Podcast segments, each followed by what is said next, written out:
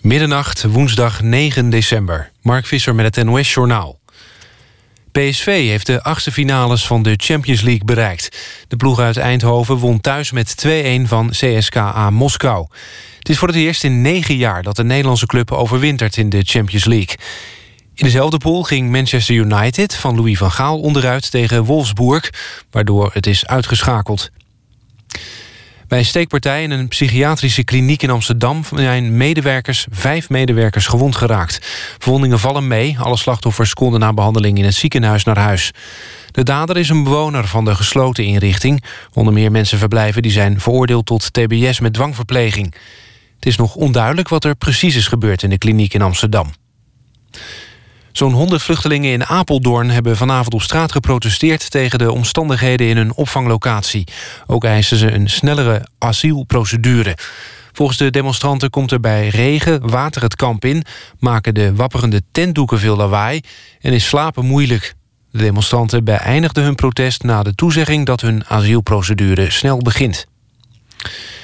Medische websites van bijvoorbeeld ziekenhuizen spelen, vaak zonder dat iemand dat weet, informatie van bezoekers door aan commerciële partijen. TV-programma Zembla kwam erachter dat in de VS lijsten te koop worden aangeboden met gezondheidsinformatie van duizenden Nederlanders. De informatie is verzameld via medische websites die sociale mediaknoppen van andere bedrijven op een internetpagina toestaan. Supermarktconcern Lidl heeft op één dag twee producten teruggeroepen. Eerder op de dag waarschuwde het bedrijf voor zakken rivierkreeftensoep... waarin mogelijk een bacterie zit. En nu blijken er ook problemen te zijn met kipsaté-schnitzels. Een deel van de schnitzels bevat sporen van melk en pinda... waarvoor niet wordt gewaarschuwd op het etiket. Het weer, vannacht is het overal droog, brede opklaringen... en de temperatuur zakt naar 5 graden. Overdag veel zon en 8 tot 10 graden. Dit was het NOS Journaal. NPO Radio 1. VPRO. Nooit meer slapen.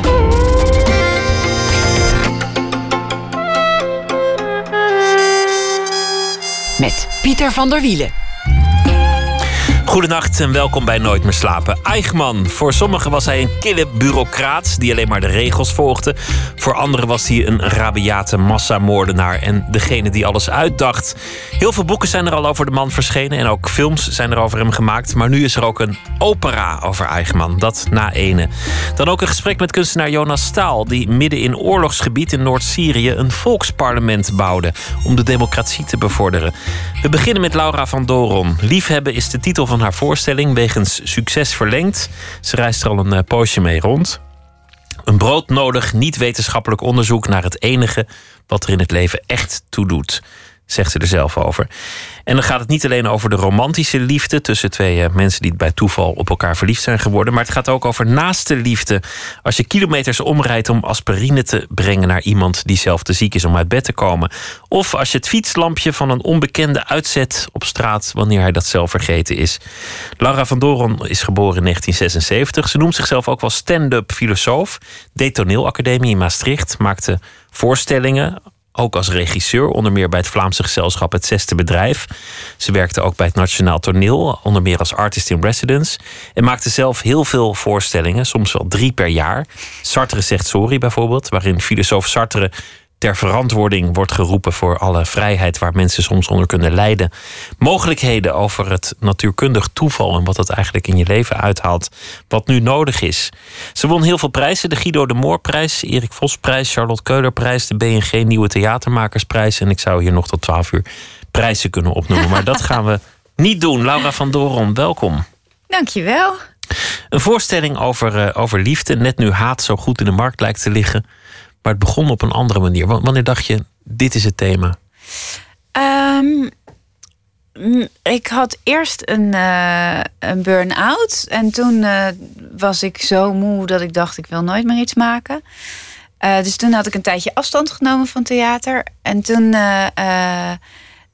ik had eigenlijk geen privéleven jarenlang. En, en in die burn-out manifesteerde zich plots een privéleven. Want mijn uh, geliefde die kreeg uh, vijver, wat voor een volwassen best wel heftig is. En ik bleek iets te hebben aan mijn baarmoeder, allerlei uh, problemen daar. En de dag nadat ik dat gehoord had, bleek ik zwanger. Dus dat was heel spannend, want ik wist gewoon ik wilde heel graag een kindje. Maar ik wist dus dat dat kindje in een niet. Ja, alsof, alsof je de babykamer weet dat er allerlei planken op het punt staan te vallen en het kindje zit erin opgesloten. En je kan alleen maar voor de deur staan en hopen dat die planken niet vallen. Zo, zo voelde het. Dus dat was heel heftig. En uh, dus dat was ja, dat was opeens werd mijn eh, werk een beetje verdrongen door allerlei privéomstandigheden. En toen verloor ik uh, na drie maanden en één dag dat kindje, omdat inderdaad die babykamer op instorten stond. En ik herinner me nog dat ik in het ziekenhuis heel veel praatte, constant aan het benoemen was wat ik voelde, wat ik dacht ik heb toen ook benoemd van ik wil, het, ik wil elk plekje van het verdriet aanraken met taal om geen restje vuil te laten zitten. En dat zei ik dan tegen een nachtzuster, zeg maar. Dus ik was constant eigenlijk aan het doen wat ik in mijn werk ook doe. Dus heel veel woorden aan het gebruiken om te begrijpen wat er met ons gebeurde. En daardoor kwam ik eigenlijk weer helemaal terug bij de kern van mijn werk. Waarom ik werk maak. Om, om te begrijpen wat ik meemaak. En om daar uh, schoonheid en troost in te vinden in wat ik meemaak. Want dit was iets heel verdrietigs, maar ik merkte dat ik door taal er iets van kon maken. En mijn geliefde zei zelfs dat er af en toe verpleegsters vuilnisbakken kwamen verschonen die al schoon waren om even naar mij uh, te kunnen luisteren of even met mij te kunnen praten. Er was ook één hoofdzuster die zei: Goh, jij moet, jij moet op televisie, want je zegt allemaal zulke mooie dingen. Dus ik was heel erg, ja, buiten mijn werk aan het werk. En toen dacht ik, ja, dit zit zo diep in mij. Ik moet dit doen. Dus toen heb ik mijn... Dat is jouw manier van rouw uh, door, door, ja, doorstaan. van leven ook. Met dus het taal. was in, die rouw, in dat rouwmoment was het heel erg aan de orde. Maar daardoor maakte ik contact met wie ik was als mens en als maker. En, en gooide ik even, want ik was in die loop van die tien jaar carrière... had ik allerlei dit moet en dit moet en dit moet. Terwijl nu merkte ik dat het echt uit mijzelf kwam... zonder dat er maar een recensent of een iemand van het publiek of een lamp aan te pas kwam. En daardoor kwam ik heel dicht bij de kern. Dus toen heb ik mijn zakelijk leider opgebeld en gezegd: Ik wil een voorstelling maken en die heet Liefhebben. En, uh, uh, en liefhebben, was dat, was dat omdat je daar de waarde van had ingezien, omdat mensen aardig voor je waren? Uh, ja, het was eigenlijk vooral tussen mij en mijn man dat het heel. Of hij, hij, we zijn niet getrouwd, maar ik noem hem mijn man, omdat hij mij op zo'n goed moment in huwelijk heeft gevraagd dat hij als mijn man voelt. En dat zit ook in de voorstelling trouwens. Maar uh, ja, er was dus ons zo'n vanzelfsprekendheid. En die was er daarvoor nog helemaal niet. Toen waren we heel erg bezig met zo elkaar de audities afnemen. En ben je wel goed genoeg? En nog een beetje half Tinder en een beetje half Facebook en een beetje half slachtig. En eigenlijk toen we dat verdriet uh, samen meemaakten, toen viel er een soort. Ja, omdat de dood is onvoorwaardelijk. En daardoor werd onze liefde ook onvoorwaardelijk. Dus alles wat voorwaardelijk was, viel een beetje weg. In, het, in oog in oog met de dood was allerlei gedoe opeens. Ja, ontmaskerd op een bepaalde manier. Dus wij kwamen... Jullie relatie kreeg meer diepgang eigenlijk ja, en hij, geconfronteerd hij, met het verdriet. Ja, want hij is tien jaar jonger dan ik. En daar had ik me enorm veel zorgen over gemaakt. En allerlei concepten in mijn hoofd. Van, oh, dan ben ik straks 60 en dan is hij 50 en dan ben ik heel oud. En is hij in de prime of his life. Maar allemaal clichés eigenlijk. En toen we dat kindje verloren, deed dat er allemaal zo niks meer toe. Toen viel heel veel romantische liefde gedoe weg. En ontstond er een soort heel waar kernachtig gevoel tussen ons. En ik dacht van, dat wil ik uh, ik wil op zoek naar momenten in mijn leven en momenten in, in soms de wereldgeschiedenis of in mijn omgeving, dat ditzelfde gevoel uh, uh, wordt benaderd. Dus het was een soort, het had een bepaalde kleur voor mijn gevoel, wat wij meemaakten in het ziekenhuis. En ik ging eigenlijk een soort collage maken van dingen die ook die kleur hadden. Dat was pas later, want in de eerste instantie dacht ik gewoon voorstelling, liefhebben, iets met wat ik nu meemaak. In die voorstelling vertel je ook over dingen die je hebt meegemaakt. Onder meer wat je nu vertelt over, uh, over, over je kindje dat, dat niet levend ter aarde kwam, de, de, de miskraam. Je zegt ook over jezelf. Vroeger had ik de goedkeuring van het publiek nodig. Ik kon alleen maar mezelf mooi vinden door de blikken van het publiek. Ik vond mezelf lelijk. En pas als al die mensen naar me keken, dan kon ik denken: misschien ben ik het niet. Ja, ja ik noem mezelf. Dat, dat, is, een, dat is een uitspraak dat, dat je dat zo kunt zeggen op een podium voor een zaal vol mensen, daar heb ik eigenlijk wel bewondering voor. Ja, ik kan het zeggen omdat ik wat liever ben geworden voor mezelf. Um, en het is waar, dus, dus kan ik het ook zeggen. ik heb me nooit zo gerealiseerd dat het een bewonderenswaardige uitspraak zou zijn. Het voelt voor mij eerder als een bekentenis. Uh, wat ik er eng en spannend aan vind, is dat ik eigenlijk zeg: ik heb jullie niet meer nodig. Dat vind ik er wel. Uh, moeilijk aan. En dat vond ik ook wel. Dat, dat, ik weet ook dat dat een bepaalde schoonheid had. Omdat ik echt dat publiek zo nodig had. Dat ik ongetwijfeld. Dat zie je toch ook aan Kurt Cobain en Janis Joplin. Weet je, vroeger was ik meer zo'n artiest. Aan wie je ziet van. Oké, deze mensen moeten hier zijn, anders sterven ze, zeg maar. Ze sterven sowieso uh, vrij snel. Maar. Uh, dus ik was veel meer zo'n soort fatalistisch iemand. Terwijl nu, ja eh, om een of andere reden, toen ik dat kindje verloor, dat was zo niet mijn schuld. En daarvoor had ik allemaal een beetje self-inflicted pain gehad. Dus uh, geliefdes die, met wie ik het uitmaakte, slechte recensies, allerlei drama's tussen aanhalingstekens, waar ik mezelf de schuld van gaf. En nu had ik helemaal geen schuld aan die miskraam. En merkte ik ook voor het eerst wat het was om jezelf niet ja, als schuldig aan te merken. En hoe aangenaam dat was om, om niet direct te denken dat jij iets had misdaan, of ik dan. En die mildheid is een beetje bij me gebleven sindsdien. Het tempo waarin jij voorstellingen hebt gemaakt, hè? Want, want ik, ik zei net drie per jaar. Nou, volgens mij heb je een gemiddelde van uh, één, twee, soms, soms drie per jaar. Het, het, is, het is een reusachtige vaart. En dan op dat podium staan en, en, en dat je eigenlijk zo streng voor jezelf bent jezelf niet mooi vindt, zoals je zegt. En dan, dan streven naar die gunst van dat publiek. Je noemde een burn-out. Ik denk, die, die, die lag al jaren op de stip. Het ja, lot moest die burn-out nog naar, intrappen. Naar de gunst van het publiek, dat, dat lijkt dan alsof ik heel erg pleased op het podium. Terwijl dat was het niet. Ik wilde me eigenlijk mijn lelijkste kant laten zien. En dan kijken of mensen dan nog steeds mij leuk vonden. En dan uh, was ik even gelegitimeerd. Dus sommige mensen doen dat ook in relaties en in de liefde. Dat ze eerst hun geliefde al hun slechte kanten gaan laten zien als een soort test. Dat deed ik bij het publiek ook. Ja, dat is niet zozeer wat mij opbrak. Het was meer uh, het tempo. En, en omdat ik werk maak over mijn leven als je te veel werk maakt, heb je op een gegeven moment geen leven meer om werk over te maken. Dus dan ga je werk maken over je werk. En dan gaat het rondzingen. En dat is een uithollende. Uh, en, en waar kwam die haast vandaan? Ja, ja, het grappige is, in het begin van je carrière maak je een voorstelling en die speelt er maar vier keer of vijf keer. Maar je moet gewoon ook eten. Dus dan moet je er nog een maken die vier of vijf keer. Dus de verhouding tussen het werk wat je maakt en het aantal keren dat het speelt, is in het begin totaal anders. Dus ik moest drie stukken maken, tussen aanhalingstekens weer. Maar ik moest uh, veel maken om, om te kunnen leven. Uh, en ik had ook nog een, een beeldend kunstenaar als geliefde, dus die onderhield ik. Dus er moest gewoon heel veel gemaakt worden. En ik vond dat toen normaal, drie stukken per jaar.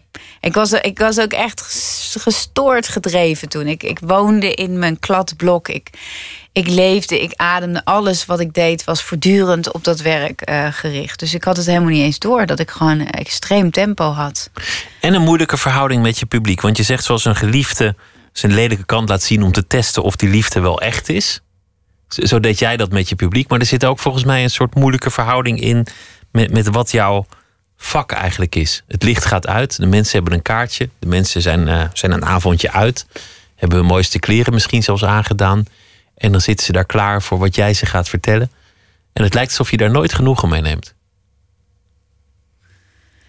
Oh, grappig. En, en waar, waar, baseer je dat op iets wat jij hebt meegemaakt in de zaal vanavond? Of? Ja, want, want, want je, je, je, je benoemt vaak het proces. Je wil eigenlijk die, die magie van dat theater, dat kunstmatige, vaak doorbreken. Mm, ja, nou, dat had ik in het begin van mijn carrière meer. Toen was ik veel meer echt in strijd met het vak. En nu heb ik volgens mij meer bepaald, nou, ik vind die theaterzaal is een prima ruimte om te doen wat ik doe. Maar ik verhoud me verder niet meer heel erg tot theater. Uh, dus ik ben niet meer zo aan het vechten. En ik benader mijn publiek. Heb ik toch altijd wel als een soort vertrouweling of als een soort vriend benaderd. Daarom durfde ik ook die slechte kanten te laten zien. Dus ik heb, ik heb één keer een voorstelling gemaakt waar ik echt een, een beetje het gevecht aanging met het publiek. Dat was ook de laatste voorstelling voordat ik een burn-out had. Daar heb ik hele slechte herinneringen aan. Ik vond dat niet ik vind het prettiger om met mezelf een strijd of een worsteling aan te gaan, maar met die mensen eh, vond ik helemaal niet fijn. Dan ging bijvoorbeeld allemaal zeggen dat zij achteraf na de voorstelling altijd hetzelfde zeiden, allemaal. En dat ging dan allemaal ontmantelen, waardoor iedereen achteraf ja, niks meer kon zeggen. Dat voelde helemaal niet prettig. Maar dat was gewoon omdat ik helemaal op was. En dat, dat was het enige wat ik nog kon delen met de mensen. Want ik wil niet meer hier staan. Maar ja, dat, dan moet je eigenlijk, dat moet je voor zijn. En er gewoon niet meer staan. Maar... En nu, want nu zeg je, ik heb ze eigenlijk niet meer nodig. Ik sta daar. En mijn verhalen zijn heel persoonlijk. Ze gaan echt over wat ik in mijn leven meemaak. Maar ik heb het publiek niet meer strikt genomen nodig. Nou, ik heb ze niet meer nodig om mezelf leuk te vinden. Dat zeg ik. Uh, maar uh, ik wil nog wel meer dan mezelf leuk vinden. Ik wil ook mezelf ontdekken en, en mensen ontdekken en ontdekken of wat mij aanspreekt of aangaat, andere mensen ook aanspreekt of aangaat. En als er iets gebeurt in de wereld, bijvoorbeeld de aanslagen in Parijs, dan heb ik direct, eh, wil ik daar op een podium iets mee doen. Dus ik wil nog steeds wel de realiteit ervaren en begrijpen door voorstellingen te maken. Maar ik hoef niet meer ik heb het publiek niet meer nodig om met mezelf door één deur te kunnen. Ik hoef niet meer, mijn wezen hoeft niet meer gelegitimeerd te worden door een uh, zucht of een lach of een, uh, een ster in de krant of dat soort van dingen. Lijkt me een gezondere verhouding met, uh, met je vak. Ja, hoewel ik dus ook soms denk dat alle rock en roll mensen ook op die manier verslingerd waren. Dus ik vind het ook wel spannend. Het, het, het kan ook uh, gezapigheid zijn of, of een soort. Ik weet zeker als ik 26 was geweest en ik had iemand dit horen zeggen, had ik gedacht: ja, voor jou is het dus te laat. Jij bent dus afgeschreven. Weet je? Ik heb dit ook wel heel lang, juist dat sadomasochistische, ook wel heel hoog in het vaandel Maar bij rock'n'roll dan denk ik aan iemand die heel onzeker is. En die, die dan ervan droomt om, om in het licht te staan. En dan denkt dat iedereen hem of haar zal bewonderen, waardoor die onzekerheid eindelijk weg is. Heb je ooit dat gevoel over toneel gehad? De, de glamour, de, de, ja, de hunkering toen ik heel jong was. Toen ik uh, mijn aanvankelijke reden om naar de toneelschool te gaan, was echt had niets om het lijf. Ik wilde gewoon van een trap afkomen met een uh, boa en uh, knap zijn. Of dat was ik toen ik 22 was. En dat wilde ik uh, op een dienblaadje presenteren aan de wereld. Dus dat was waarom ik naar de toneelschool ging. Maar toen werd ik niet aangenomen als actrice. Omdat zij waarschijnlijk al vermoeden dat ik uh, veel te eigenwijs was. En, dus die droom ging snel aan gruzelementen. Maar ik vind het heel grappig om daaraan terug te denken. Ik had echt helemaal geen. Ik was wel heel geëngageerd al. Dus ik dacht wel veel na over de wereld en hoe het anders zou moeten. En ik, uh, ik keek wel op dezelfde manier omheen. Maar ik koppelde dat grappig genoeg helemaal niet aan die, aan die droom om actrice te worden. Ik wilde gewoon schitteren toen. Is ook legitiem. Mag ook. Absoluut. Ja, ik vind het ook uh, grappig en ontroerend. En ook grappig hoe ik met een omweg. Uh, uiteindelijk ook soms dat soort momenten heb. Donderdag heb ik een fotoshoot. En dan komt er een styliste bij mij thuis mij opmaken en mijn haar uh, doen en zo. En dan denk ik, god, dat is toch dat meisje van 22 die dan met heel veel lezen van Sartre en Schopenhauer en depressies en weet ik veel wat uiteindelijk toch uitkomt bij een bepaald soort van uh, glamour af en toe. maar ja, je hebt, je hebt, nu dezelfde kleren aan als, als op het podium. Ja, en dat volgens mij, misschien had je die vanmiddag ook aan, dat weet ik niet. Maar het is niet Uh, meer nee. zo dat je een boa aandoet. Nee, dat zeker niet. Nee, maar ik koop wel af en toe. Ik draag inderdaad gewoon mijn kostuums overdag eh, en, en andersom. Maar ik koop dan soms wat dure kleren voor mezelf. Omdat ik denk, nou ja, dan draag ik dat misschien toevallig ook wel eens op het podium. Nee, dat klopt. Ik, dat, dat, ik zou bijvoorbeeld ook nooit met een jurk of hakken op het podium staan. Ik wil eigenlijk zoveel mogelijk een mens vertegenwoordigen en niet een vrouw per definitie. Dus ik probeer er min of meer neutraal uit te zien voor zover dat kan. Dus daarom besteed ik niet te veel aandacht aan mijn. Ik heb zelfs laatst zonder make-up, toen was ik mijn make-up thuis vergeten. Heb ik zonder make-up gespeeld. Dat was wel een, een primeur. Dat vond ik wel ook spannend. Vooral zonder mascara vind ik dan opeens heel eng. Maar verder uh, pak ik niet uit. Nee, dat bij die oudejaars heb ik dat ook gedaan. Maar daar heb ik ook hele slechte herinneringen aan. De oudejaarsvoorstelling die je hebt gemaakt, deels geïnspireerd op, op Wim Kamp. Ja, oh, dat was echt niet fijn. Maar ja, dat was gewoon zo dat laatste restje. Ik kon alleen nog maar. Ik, ik kan namelijk alleen maar eerlijk zijn tegen het publiek. Dus als ik op ben en ik heb er geen zin meer in, dan heb ik ook niks anders te bieden dan dat. Dat is een beetje het probleem met mijn werk ook. Ik heb niks om me achter te verschuilen. Dus zij kregen gewoon een heel moe. Ja, een beetje somber iemand die dat ook niet vorm kon geven. Terwijl het gekke is met, met die. Nou, je doet nu heel streng voor jezelf. Ik heb van mensen gehoord dat ze het geweldig vonden. Oh ja? Ja. Nou, Verbaasd dat iemand je voorstelling ja, goed maar vond. dat is, een beetje, dat is een beetje autistisch van mij. Dat ik denk dat als ik het niet leuk vind, dat niemand het dan leuk vindt. Dat is onzin. Maar ik heb er zelf slechte herinneringen aan, omdat ik eh, het niet vorm kon geven. Dus ik had een soort onge, ongestructureerd gevoel. En voor mijn gevoel heb ik dat gewoon naar ze toe gegooid. Terwijl het gek is dat bij die miskraam ik direct voelde... ik heb hier grip op. Ik kan dit vertellen zonder dat het te... Ja, als het zo persoonlijk is en ongevormd... dan, dan voelt het bijna soms Big Brother-achtig. Ongestructureerde authenticiteit heeft iets heel naars. En dat wist ik ook terwijl ik het deed... Maar ik kon het niet overstijgen. Maar goed, dat is dus niet iedereen opgevallen, gelukkig. Ja, het zou kunnen als ik het zelf zou zien. Het was wel mijn meest Kurt Cobanerige voorstelling. Dus mijn meest wanhopige schreeuw eh, van ik wil hier En een weg. reflectie op je vak. Een reflectie op, op wat is eigenlijk het maken van een voorstelling. Wat is de verhouding met je publiek? Komen mensen om te lachen of, of komen ze ook om na te denken? En, Ja. en doen ze eigenlijk nog iets terug? Nee, dat klopt. Het was een hele kritische eh, reflectie. Maar eh, vanuit een soort vermoeidheid. Waarvan ik nu denk, ach, je had gewoon even moeten... Slapen. Ja, We gaan het straks hebben over eh, liefhebben. Maar eerst gaan we luisteren naar een eh, nummer dat daarover gaat. Our Love van Gregory Porter.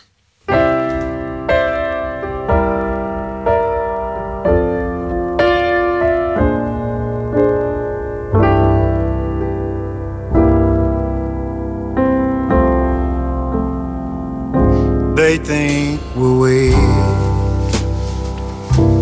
you're the reflection of my love. We're incomplete, but you're the direction of my love. Vultures are flying round the ramparts of the towers of our love. Don't it sound sweet? our love. How did we meet? This is the question of our love. They pray defeat. Betty Paul bearers of our love. Forces of hate have stormed the gates around the castles of our love.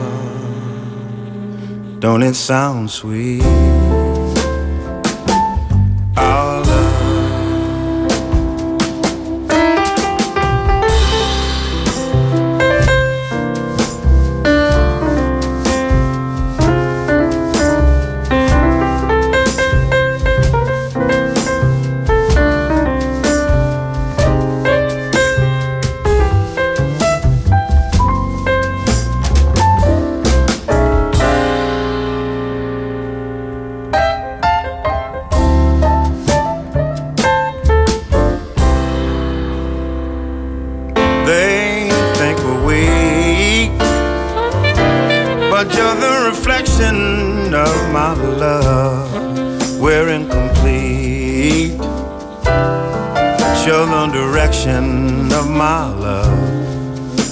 Vultures are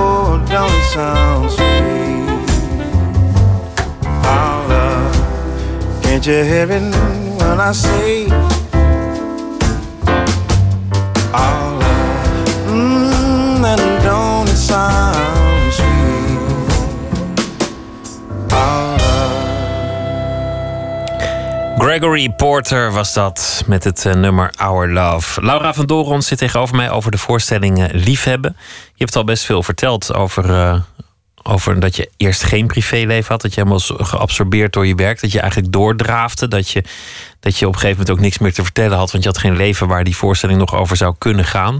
Dat je eigenlijk ook uit was op, op een soort erkenning van het publiek die ook persoonlijker was. Dat het eigenlijk niet alleen maar een professionele erkenning was, maar ook ja, bijna als een popster dat soms kan hebben. Voor je eigen waarde was het nodig om daar te staan. En toen veranderde alles. Ineens kreeg je een privéleven, namelijk uh, een zwangerschap van een liefde van wie je voorheen nog dacht: nou ja, het is leuk, maar we tinderen er nog een beetje bij, want we, zien wel. En ineens werd dat serieus door die zwangerschap. En toen kwam er ook nog een late miskraam, die, die jou enorm veel verdriet heeft gedaan. Je, je kwam ook in het ziekenhuis terecht, want, want je was ook zelf. Uh, medisch er slecht aan toe na, Mhm. die, na die miskraam. Je, Ja. je was, was zelfs een beetje in gevaar, heb ik begrepen. Ja, dat klopt. Ja, ja, ja. Ja, dat was zo. Ja, dat was heel spannend. Maar eh, ik weet nog dat ik toen eh, helemaal nergens bang voor was. Omdat ik dacht, dat kindje was eh, zo vredig. ja, dat is een beetje plastisch, maar uit mij gegleden. Dat ik dacht, nou, misschien glij ik gewoon zo mee. dat vond mijn eh, geliefde een minder goed idee. Maar ik weet dat ik daar heel gelaten over was. Het was best een beetje spannend.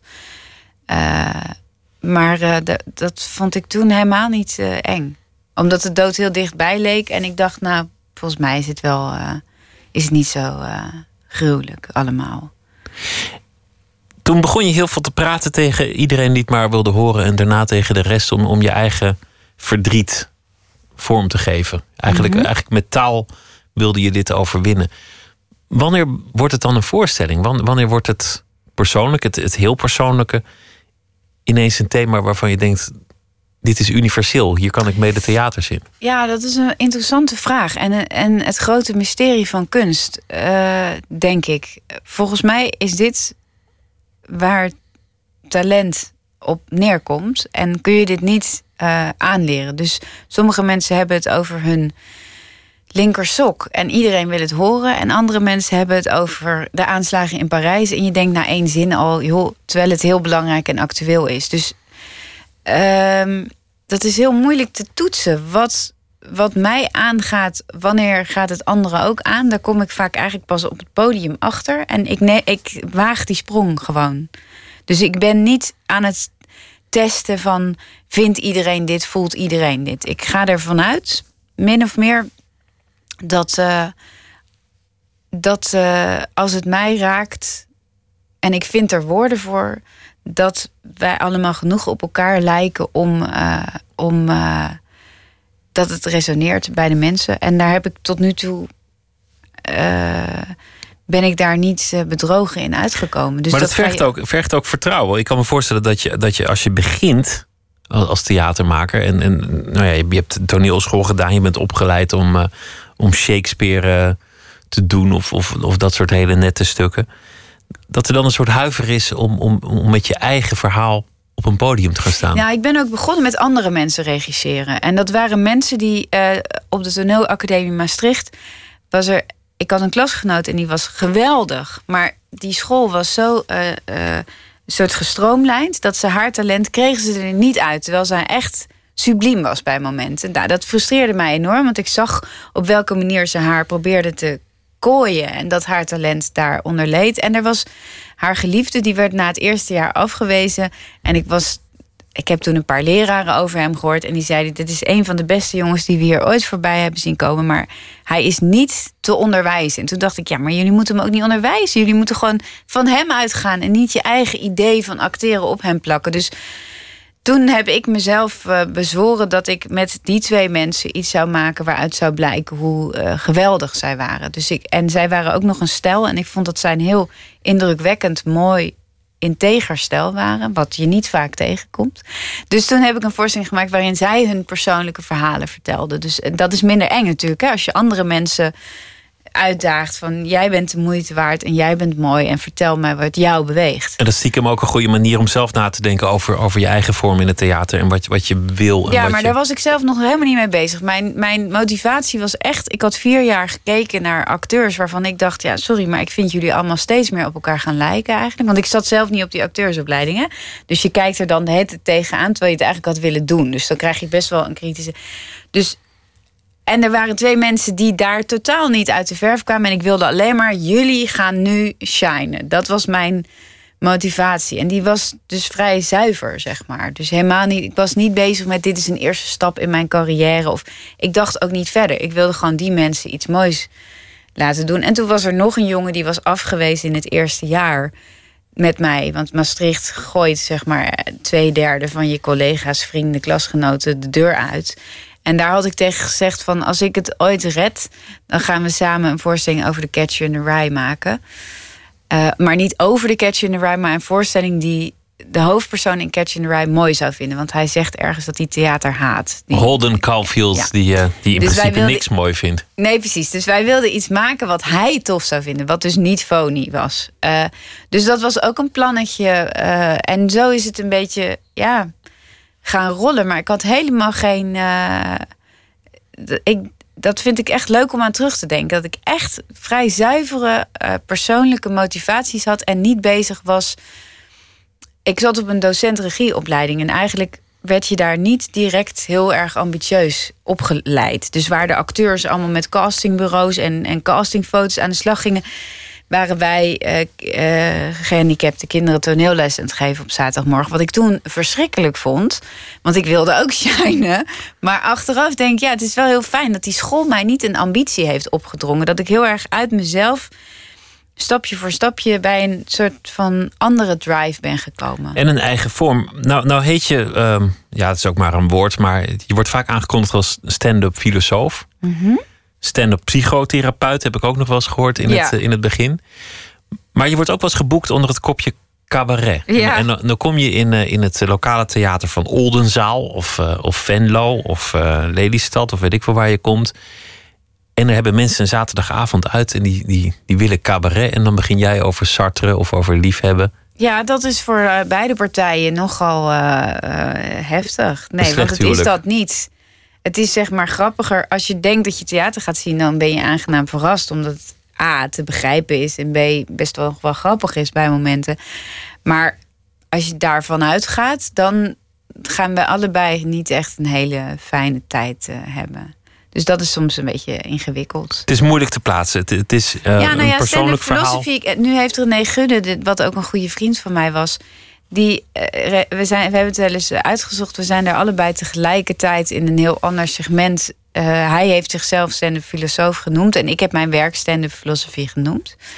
Nu is hij natuurlijk, heeft hij dat boek en zo. Dus nu is die term een beetje van hem geworden. Omdat hij meer een publieke figuur werd dan ik op een gegeven moment. Maar ik heb het ooit bedacht. Omdat ik in het begin van mijn carrière achteraf nog gesprekken moest voeren met is het wel theater of niet. En zo. En dat vond ik helemaal niet interessant. Dus ik dacht, nou, dan verzin ik gewoon een ander woord. Weet je, stand-up filosofie bestaat niet. Kunnen mensen ook niet zeggen dat dat het niet is. En ik vind het nog steeds als label. Ik vind stand dat ik stand-up filosoof ben, vind ik wat lastiger. Maar als label van mijn werk is stand-up filosofie, dat vind ik wel nog steeds wel redelijk gepast.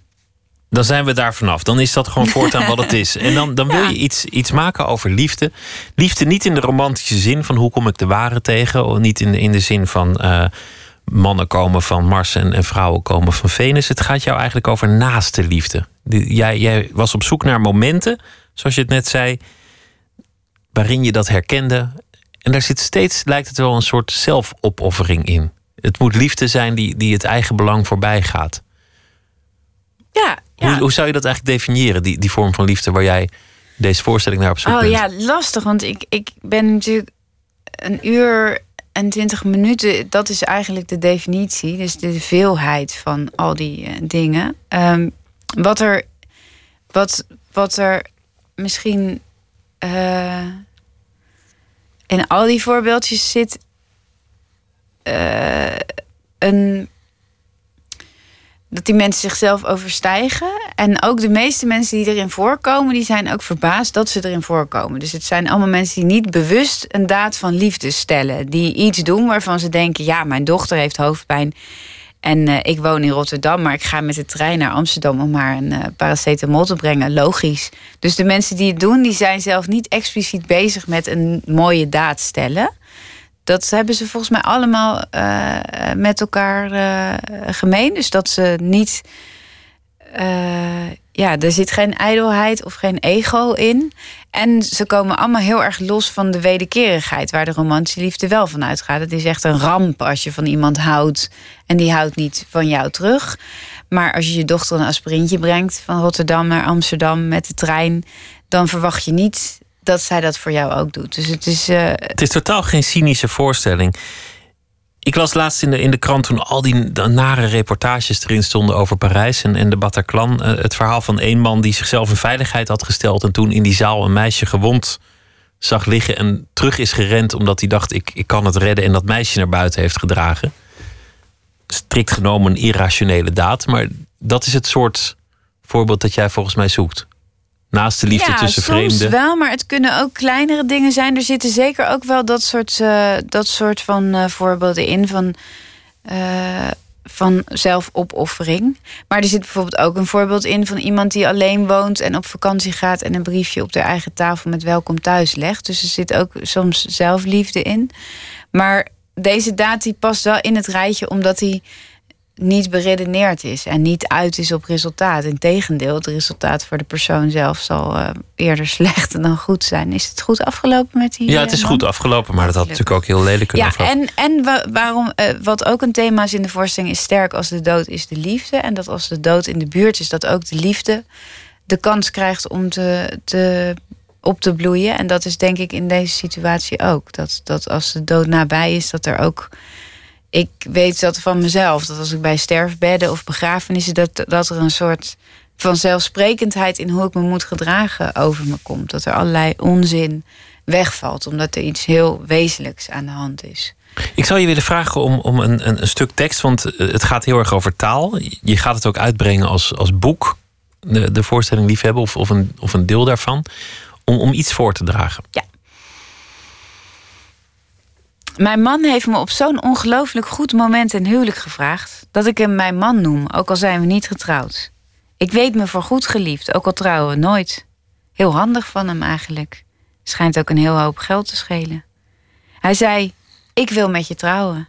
Ik zei: Is dat een vraag of een mededeling? En we lachten door onze tranen heen. Lachen door je tranen heen, altijd liefde. Toen ik in het ziekenhuis lag, sms'te een vriend van mij wat kan ik voor je doen? Ik schreef terug: zeggen dat het goed komt. Een paar uur later stond hij in de lege hal van het ziekenhuis met een schilderijtje met Alles komt goed, schatje erop. Dat had hij zogenaamd toevallig die middag op een rommelmarkt gevonden. Dat was een leugen, maar het was wel liefde. Met oud en nieuw wilden mijn geliefde en ik zo rond twaalf uur even naar het grafje van ons kindje. We vonden de knallen van het vuurwerk zo hard, we waren bang ja, dat hij zou schrikken, dat hij alleen zou zijn zonder ons. Toen we daar aankwamen, bleek dat mijn moeder dennetakken op het grafje had gelegd, om het geluid wat te dempen. Dat is liefde. Mijn vader werd voorbijgestreefd op zijn werk door een vervelende jonge vrouw die zijn manager werd. Ze eiste van hem dat hij een stropdas zou dragen. Voor hem was dat het symbool van ja, capitulatie aan een leven vol onoprechtheid. Hij kwam thuis en begon te huilen. Mijn moeder ging naast hem zitten, deed haar arm om hem heen en zei: Als jij wil stoppen met werken, dan stop je gewoon. Wij redden ons sowieso. Mijn vader haalde opgelucht adem en ze kochten samen bij Zeeman een Homer Simpson das. Ook dat is liefde. En zo uh, allemaal beschouwingen en, en, voorbeelden over de liefde. Je vader was ook in de zaal hè, vanavond. Ja, klopt. Die, die, uh, die zat op de eerste rij. Wat, mm -hmm. wat, ook dat is natuurlijk liefde, dat je naar je dochter ja, komt kijken. Ja, en altijd weer op de eerste rij gaat zitten, ja. Volgens mij heb jij een, een hekel aan nihilisme. Aan, aan de mensen die proberen alles in het materiële te zoeken... of die er niet meer in geloven. Ben je een idealist? Uh, ik... Ja. Ja, maar een hekel aan nihilisme vind ik moeilijk, omdat, het, omdat ik er te veel mee in strijd ben. Dus ik kan niet zeggen dat ik het niet ken. Daarom streef ik steeds naar het licht, omdat het duister altijd uh, uh, lokt, ook op een bepaalde manier. Dus ik begrijp mensen heel goed die nihilistisch zijn. En het is ook een soort van prettige weg, misschien soms lijkt het. Maar ik vind het een bepaalde vorm van uh, gemakzucht. Of, of, Je wilde er niet aan overgeven? Nee, nee. Terwijl ik dat heus wel eens doe natuurlijk. En dan is het even lekker, maar het is een beetje lekker zoals de, het hele incidentele McDonald's maal wat je eet. En je denkt even dat het lekker is, maar je weet eigenlijk bij de derde hap al dat het gewoon uiteindelijk onaangenaam is en, en niet goed voor je. Nou, je kunt je er lekker aan overgeven, ook door te zeggen: Nou ja, liefde, het zijn allemaal stofjes en stroompjes en culturele patronen en het is allemaal ingeprogrammeerd. En, en als het erop aankomt, dan moet je maar afwachten of het bestaat. Maar, maar jij strijdt daartegen en, en liefst ook in je werk. Ja, dat klopt. Nou, ik vind deze, deze insteek, die kan je hebben. En, en als het je de kille winter en de eenzame kerst doorhelpt, dan moet je het vooral denken. Het kan een hele zinvolle gedachte zijn. Ik ken mensen met liefdesverdriet die even dit, dit gedachtegoed omarmen en dat dat heel uh, vruchtbaar is. Maar het probleem is dat, dat je het op een gegeven moment voor de waarheid aan gaat zien. En als dan de liefde voor je leven voor je neus staat, ja, dan zie je die niet meer omdat je dit idee, zeg maar, hebt omarmt. Dus dan wijs je eigenlijk het leven af voor een idee. En dat vind ik geen uh, goed uh, idee. maar is dat, is dat ook weer uh, als een soort boekhouder? Van nou ja, uiteindelijk word je gelukkiger van liefde. Dus, dus geef je er maar aan over? Of is het omdat nou, je ook echt nee, het gelooft? is hoe ik het zie. Ik, ik, zie het gewoon heel veel om me heen. Ik zie veel te veel voorbeelden van schoonheid en, en betekenis om nihilistisch te kunnen zijn. dat ben ik alleen maar als ik niet kijk en niet luister. En ja, het is mijn taak als kunstenaar om te kijken en te luisteren. En als ik kijk en luister, dan is dit wat ik hoor en zie. En ik heb ook nog eens het gevoel dat, dat er een gebrek aan is. Dus dat is mooi. Want je staat dan met die voorstelling die je al langer speelde. En, en die, die je eigenlijk ook in verschillende fases van je leven hebt gespeeld inmiddels. Want je, je, je werd zwanger. En je stond op de planken met die voorstelling. Mhm. Je hebt inmiddels een dochter en je stond op de planken met die voorstelling. En je staat dan in Brussel terwijl daar de terreurdreiging wordt afgekondigd en heel veel dingen worden afgelast. Er eigenlijk nauwelijks nog mensen buiten komen. En jij staat met je voorstelling daar. Ja, dat was natuurlijk de kans van mijn leven om een keer met gevaar voor eigen leven te kunnen spelen. Maar ook met een boodschap die door de actualiteit lijkt te worden tegengesproken. Ik bedoel, in, in, een, in een heel wrange. Ja, maar daardoor onder, onderstreept de actualiteit de boodschap. Dus het was een enorme krachtige voorstelling. Hij werd opeens heel politiek, terwijl hij dat uh, in aanvang niet was. Dus, en hoe verwerk je dat er dan in? Nou, uh, kleine grapjes. Dus ze zitten aan het eind, zeg ik tegen het publiek: jullie, uh, jullie zijn. Dan zeg ik dat ze zo goed dat luisteren ook liefde is. En dan zeg ik: jullie zijn echt goed. Ja, dit is echt. ja, niveau 4 luisteren. Ja, dat vinden die mensen in Brussel omdat het natuurlijk dreigingsniveau 4, weet je. Dus die vonden dat heel erg leuk. En ik zei ook van, uh, goh, ik wist wel dat er bewaking was... maar ik wist niet dat jullie ook controleerden op of jullie goede luisteraars waren. Ja, dat vinden zij dan op dat moment is dat... Je kunt zeg maar de beste grap thuis verzinnen... maar als je een grap verzint die alleen maar die dag verzonnen kan zijn... is, dat altijd, is die altijd beter dan de meest geavanceerde, mooie, poëtische, goede, gelaagde grap. Als je iets zegt over het koekje in de kantine, is dat altijd. Dan vinden mensen dat gewoon heel fijn dat je echt daar met hun bent. Dus ja, dat waren hele bijzondere, prettige avonden in Brussel. En ik had geluk, want ik had echt wel even zitten twijfelen. En toen had ik gezegd, ja, ik doe het. En toen was het nog dreigingsniveau 4. Dus ik was dapper geweest. En verdomd, een uur daarna werd het dreigingsniveau 3. Dus toen had ik wel al laten zien dat ik het lef had. En toen hoefde ik niet meer echt bang te zijn. Laten we nog eens een, uh, een stuk muziek over de onbaatzuchtige liefde afspelen. Uitgezocht door Lotje IJzermans. Tweedy met Wait for Love.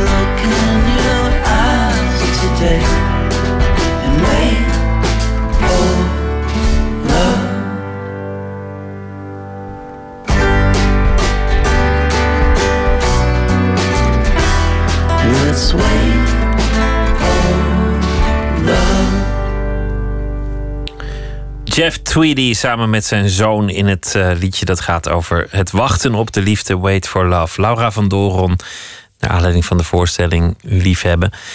Je strijdt tegen het nihilisme. Je snapt best dat iemand het af en toe uh, nou ja, als, een, als een pijnstiller tot zich neemt, een, gezonde portie uh, nihilisme. Maar uiteindelijk moet je dat niet doen, want dan, dan zie je niet wat belangrijk is in het leven. Of het nou is een, een grote liefde die langskomt of iets anders.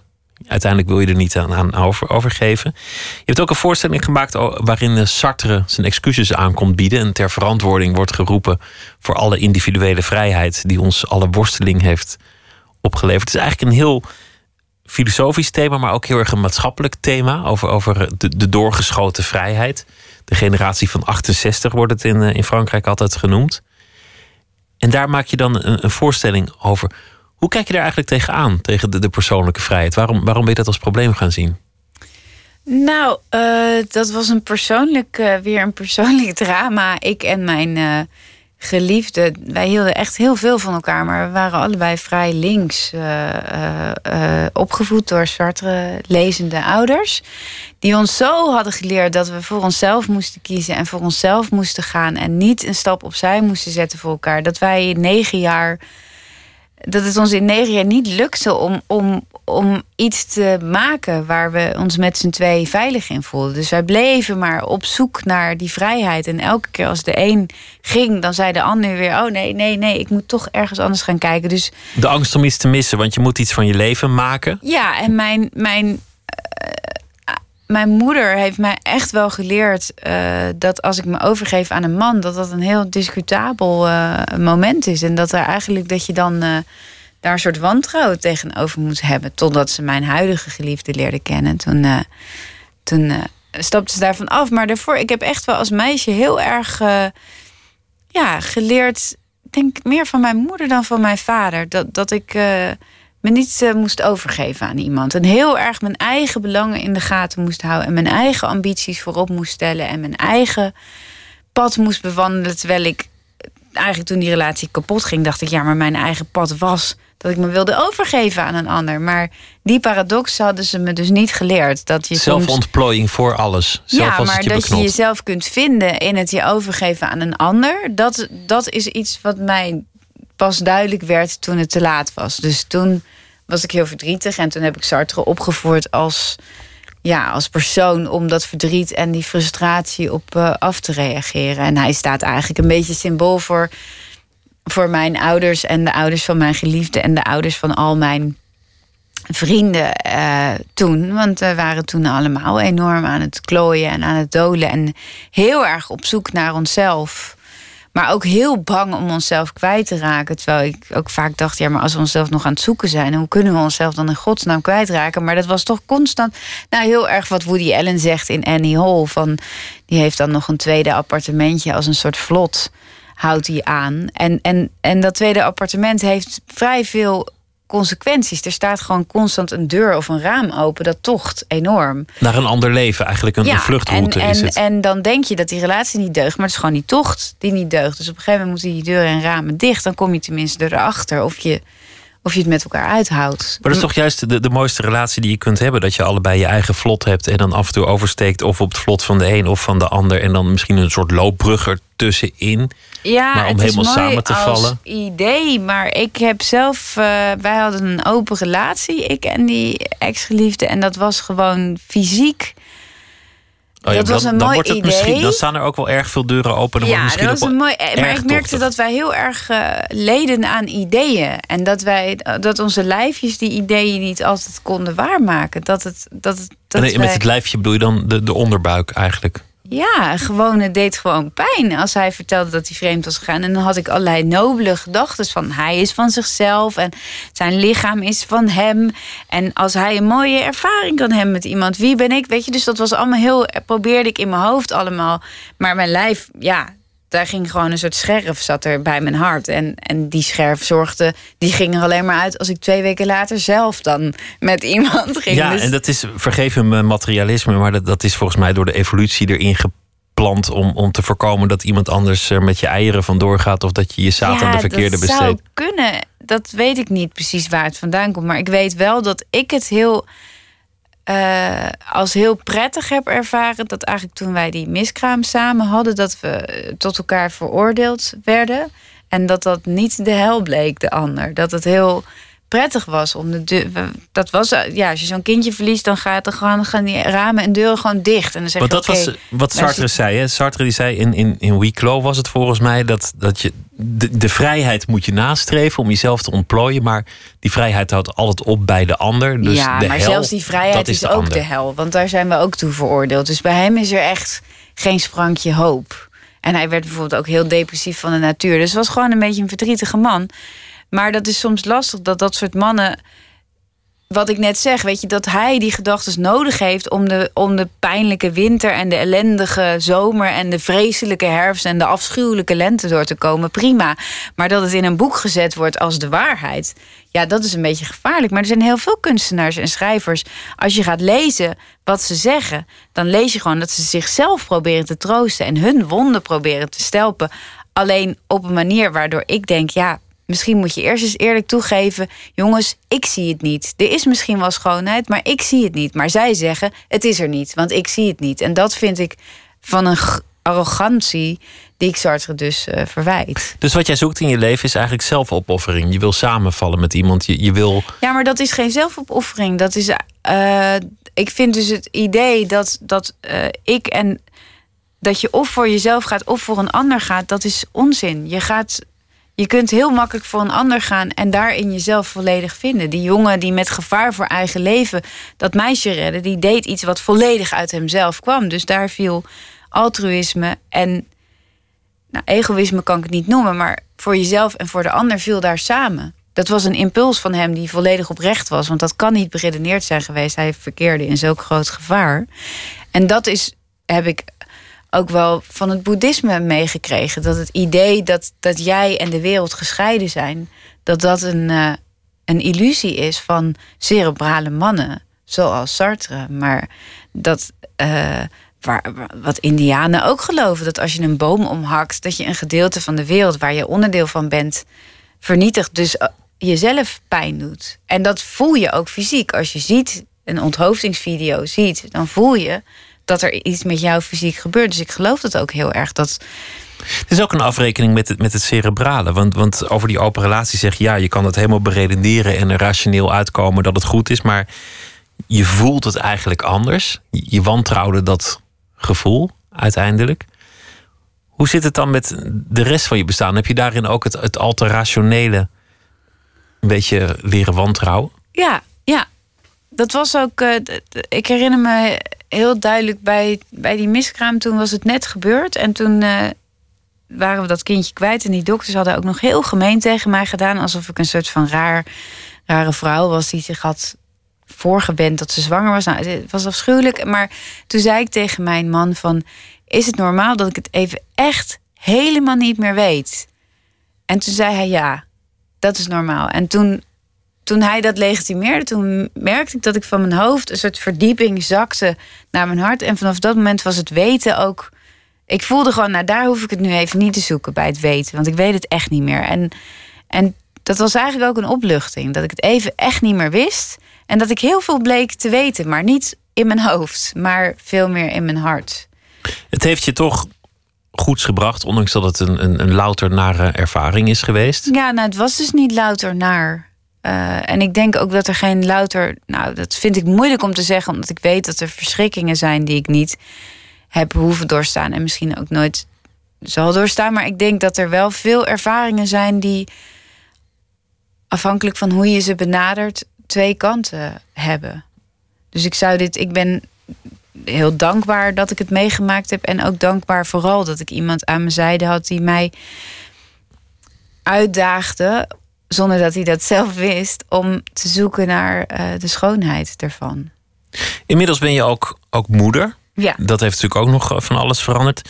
Je zei ook, de dood is, is hetgeen dat is zeg maar het, het tegengewicht dat, dat alles waarde geeft. De liefde kan pas schijnen als de, als de dood in de buurt is, of, of zo lijkt het te gaan. Hoe kijk je dan nu tegen het bestaan aan? Want je, want je hebt zoveel dingen heroverwogen, je bent zo anders tegen dingen aan gaan kijken. Hoe zie je de rest van je bestaan voor je? Ah ja, ik denk helemaal niet zoveel uh, aan uh, de toekomst, eerlijk gezegd. Dus dat zie ik niet echt. Zeker niet omdat mijn kindje vandaag voor het eerst. Haar haartjes groeien best snel. Vandaag werd ze voor het eerst met verwarde haartjes wakker. Heel schattig om voor het eerst je haar in de war te hebben. Dus dat was er vandaag aan de hand. En, en door zo'n kleintje. Ik was al heel erg aan het trainen mezelf om in het nu te leven. Maar zo'n kleintje eh, trekt je daar ook heel erg in. Dus, uh, er is ook geen tijd en energie om aan iets anders dan het nu nou, te denken. Nou, zij is gewoon zo betoverd. Ze kan nu, vandaag zei ze voor het eerst be. En dat was dan boom.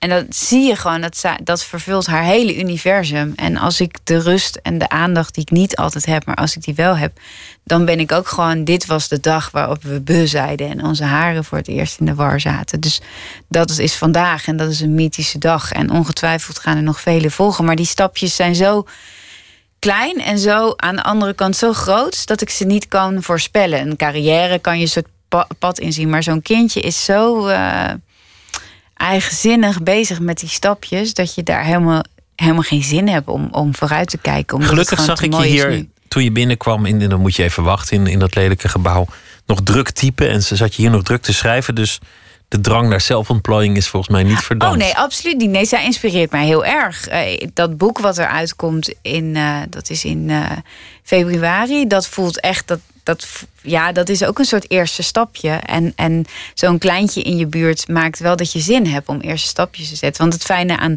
dat boek wat uitkomt, is dat voelt, omdat ik daar nog helemaal, weet je, theater heb ik een hele lange, complexe relatie mee. Terwijl dat boek voelt als een soort Sinterklaas surprise, maar dan eentje op stand. Maar dat voelt volledig vrij en, en vrolijk. Dus ik zat net met de handdingen te schrijven, want er komen allemaal tekeningetjes en handgeschreven dingen van mij in. En daar heb ik echt, ja, zoals een kind uh, tekent en dan denkt: wauw, dat is eigenlijk best mooi wat ik doe. En dat verlies je als volwassene. Zo uh, onbevangen ben ik met dat boek bezig. Dus dat is heel, uh, heel fijn. Nieuwe stapjes. Laura van Doron, dank je wel. En de voorstelling Liefhebben die is nog op tal van plekken te zien ja, de zeker. komende maanden. Deze week en volgende week sta ik in het Nationale Toneelgebouw. In Den Haag. Dat, ja, daar zijn nog kaartjes. Dankjewel en ik uh, wens je heel veel uh, plezier met alles. We gaan zo meteen uh, verder Twitter, het VPRO NMS en we zijn te volgen via Facebook. Op Radio 1, het nieuws van alle kanten.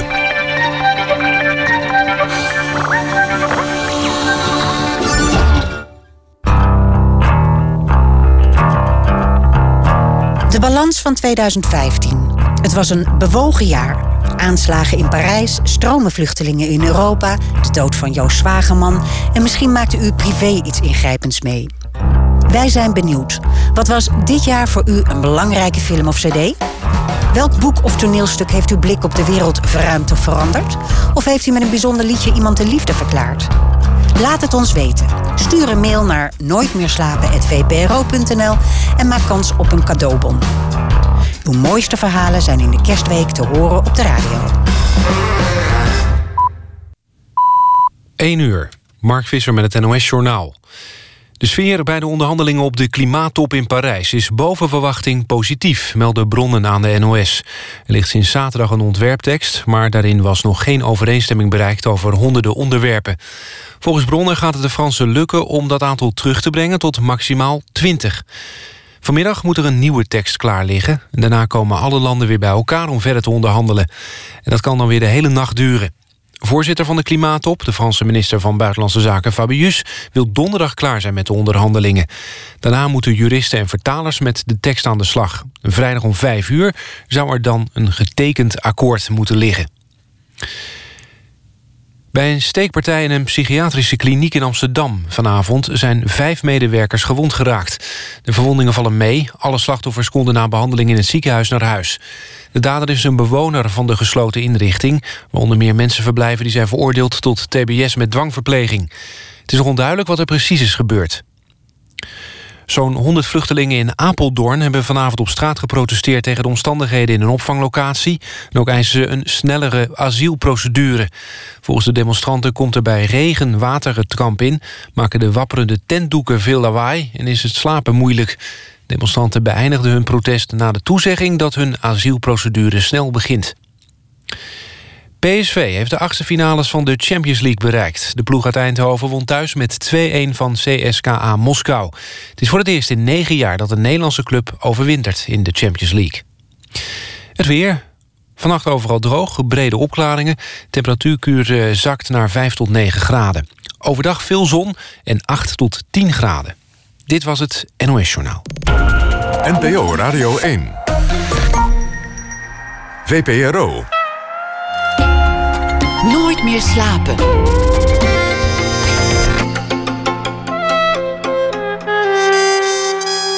Met Pieter van der Wielen. Adolf Eichmann, de man blijft fascineren. De architect van de Holocaust werd al vaak besproken in boeken, documentaires en films. Maar nu is er ook een opera. Eichmann, een opera over de vrije wil. Straks een gesprek met de regisseur. We hebben ook een eh, gesprek met eh, kunstenaar Jonas Staal vanuit uh, Koerdisch Noord-Syrië. Want midden in dat oorlogsgebied heeft hij een volksparlement gesticht. Een gebouw als kunstwerk. Zometeen dus aandacht daarvoor. Alfred Schaffer is dichter, woont in Zuid-Afrika. Deze week zal hij elke nacht een verhaal voordragen over de voorbije dag. Zijn laatste bundel stamt uit 2014. Mens, dier, ding. Een poëtische road movie is het wel genoemd. Alfred, goeienacht. Goeienacht, Pieter. Weer een dag voorbij. Wat heeft je vandaag bezig gehouden?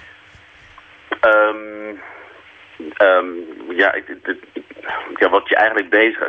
Wat ik, uh, waar ik vandaag op geschreven heb... is niet wat me ontzettend bezighoudt aan zich. Um, want dat is uh, natuurlijk uh, Trump. Er zijn ongelofelijke uitspraken op, de, op de Amerikaanse media. Dat er nooit meer een moslim Amerika in zou komen als hij president werd. Ja, het is, het is echt ongelooflijk dat, dat er een kans is dat zo iemand als hij... Ik denk niet dat het gaat gebeuren, maar dat, dat er een kans is dat iemand als hij president zou kunnen worden van Amerika. Eigenlijk zou ik willen zien... Ja, probeer het maar eens vier jaar.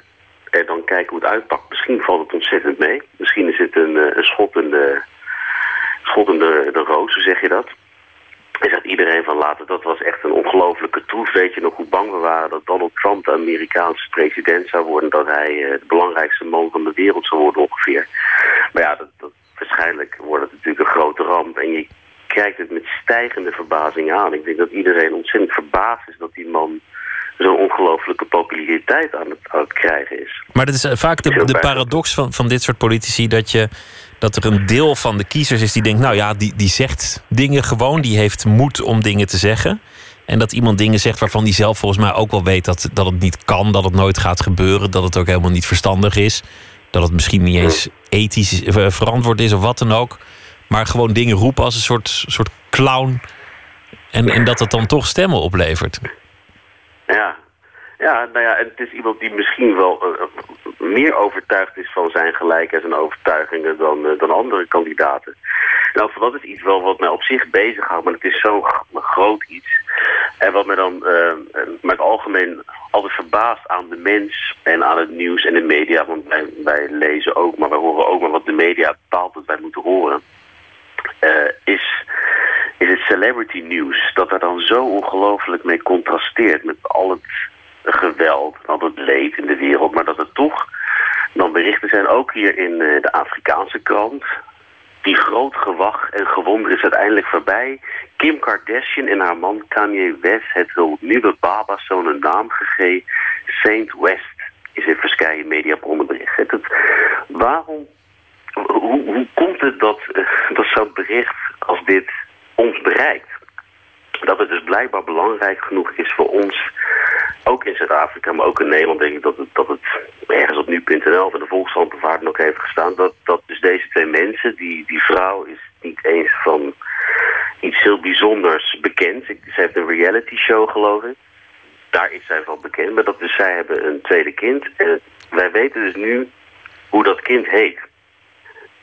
Ik vind dat in contrast met wat er ook verder dus vandaag te horen is, vind ik dat zo bizar. Ik dacht, daar wil ik toch iets mee doen. Ik ben benieuwd wat het uh, is geworden. Alfred, ga je gang. Aller, allerliefste. Gefeliciteerd. Na alle aanwijzingen en omzwervingen hebben jullie deze brief gevonden. Als jullie dit lezen weten we allemaal dat wij, jullie liefhebbende vader en moeder, er al een tijd niet meer zijn. Een dodelijk ongeluk, ziekte, ouderdom, een overdosis, wie zal het zeggen? Het is nu 2015. Jullie vader en moeder zijn bloedjong, talentvol en superberoemd. En het sneeuwt. Sneeuw, vlokjes bevroren lucht. Het is altijd zo helder naar een sneeuwbui. De wereld schoongewassen. In deze zin komt natuurlijk voor jullie geen poëtische vader. Terwijl we hier in de marmeren keuken aan deze brief schrijven... zijn de au pairs in de besneeuwde rozentuin naast de buitenjacuzzi bezig met een sneeuwpop die een microfoon vasthoudt. Een van de lijfwachten heeft hem een zwarte pruik opgezet... zodat hij nog meer op jullie talentvolle papa lijkt. Een goede vriendin van jullie moeder staat op de cover van de allerlaatste uitgave van de Playboy, begin 2016. Ze is bijna 50.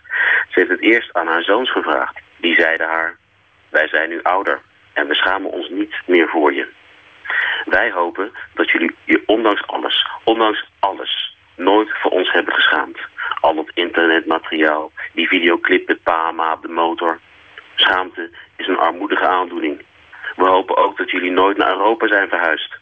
En dat jullie jullie namen hebben behouden. Want bedenk, lieve North en Saint, jullie namen waren ooit wereldnieuws. Trending, ondanks de neerwaartse spiraal waarin de wereld toen al zat.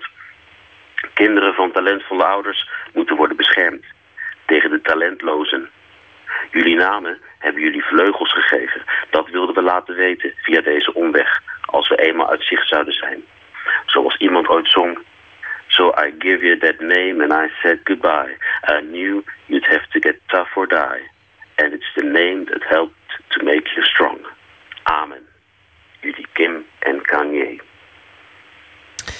Als een uh, boy named Sue van uh, Johnny Cash. Alfred, dankjewel voor dit uh, verhaal over uh, de dagelijkse portie gossip... die ook gewoon uh, bij het nieuws is gaan horen inmiddels. Morgen weer een verhaal en voor nu wens ik je een hele goede nacht. Zojuist verschenen een uh, grote box van Bruce Springsteen met nooit eerder uitgebrachte opnames. Die uiteindelijk het album The River zouden worden, maar daarvoor waren er nog uh, andere dingen. En had hij eigenlijk al een album klaar. The Ties That Bind is daarvan uh, de titel. We gaan luisteren naar het titelnummer van het uiteindelijke album The River.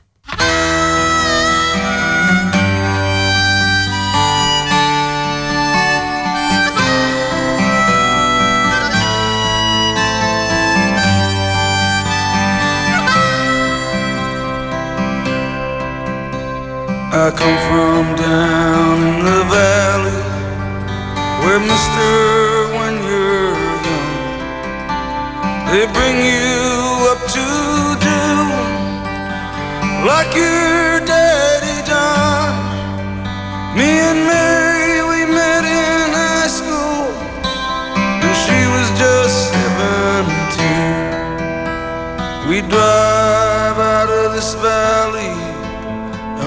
where the fields were green. We go down to the river, and into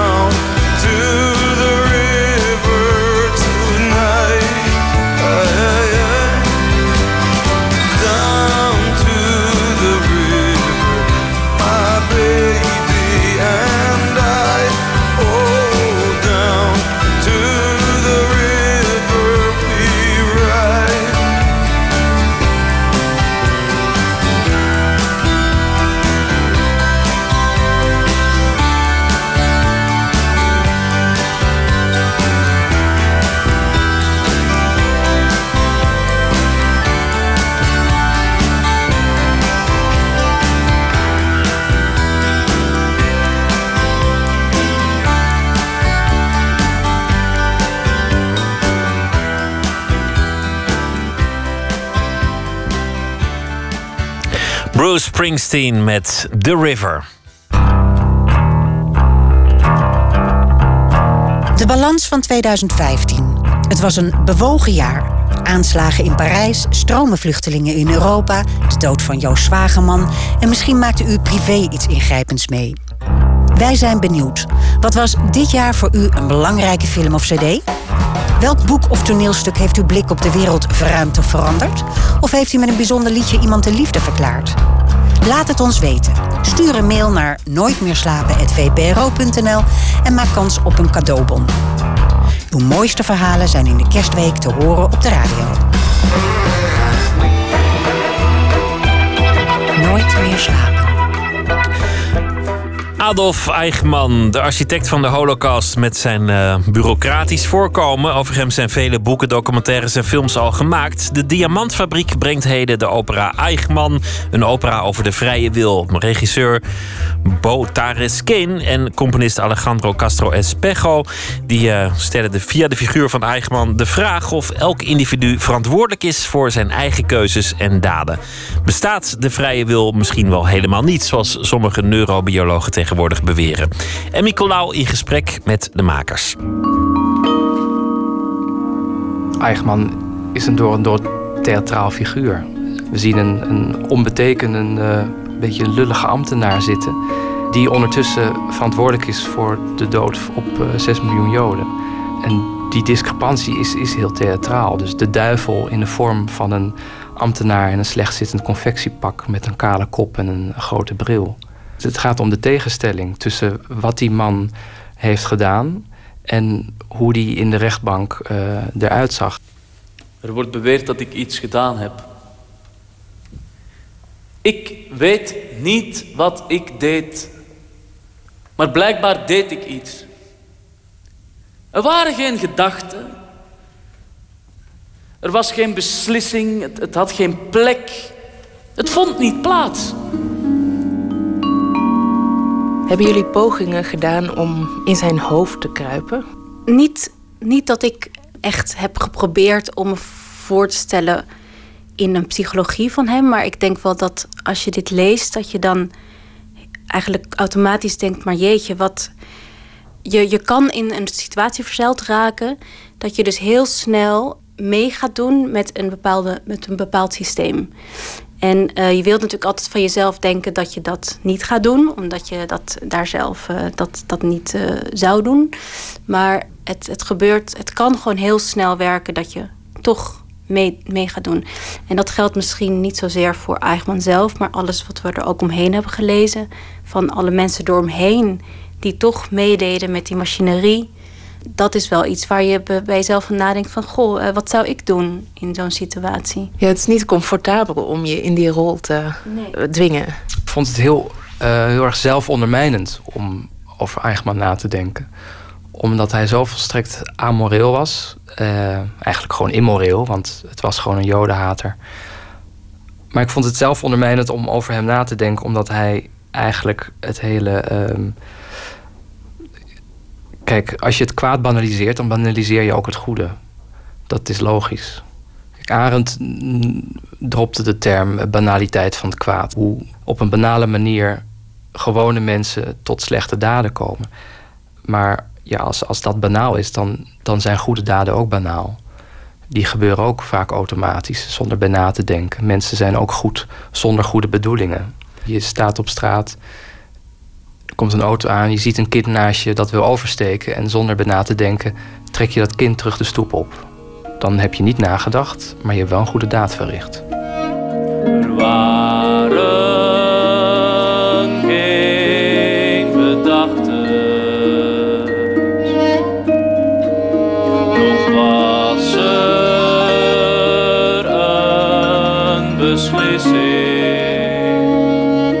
Ja, en waarom vond je dat zo confronterend om je dat te realiseren?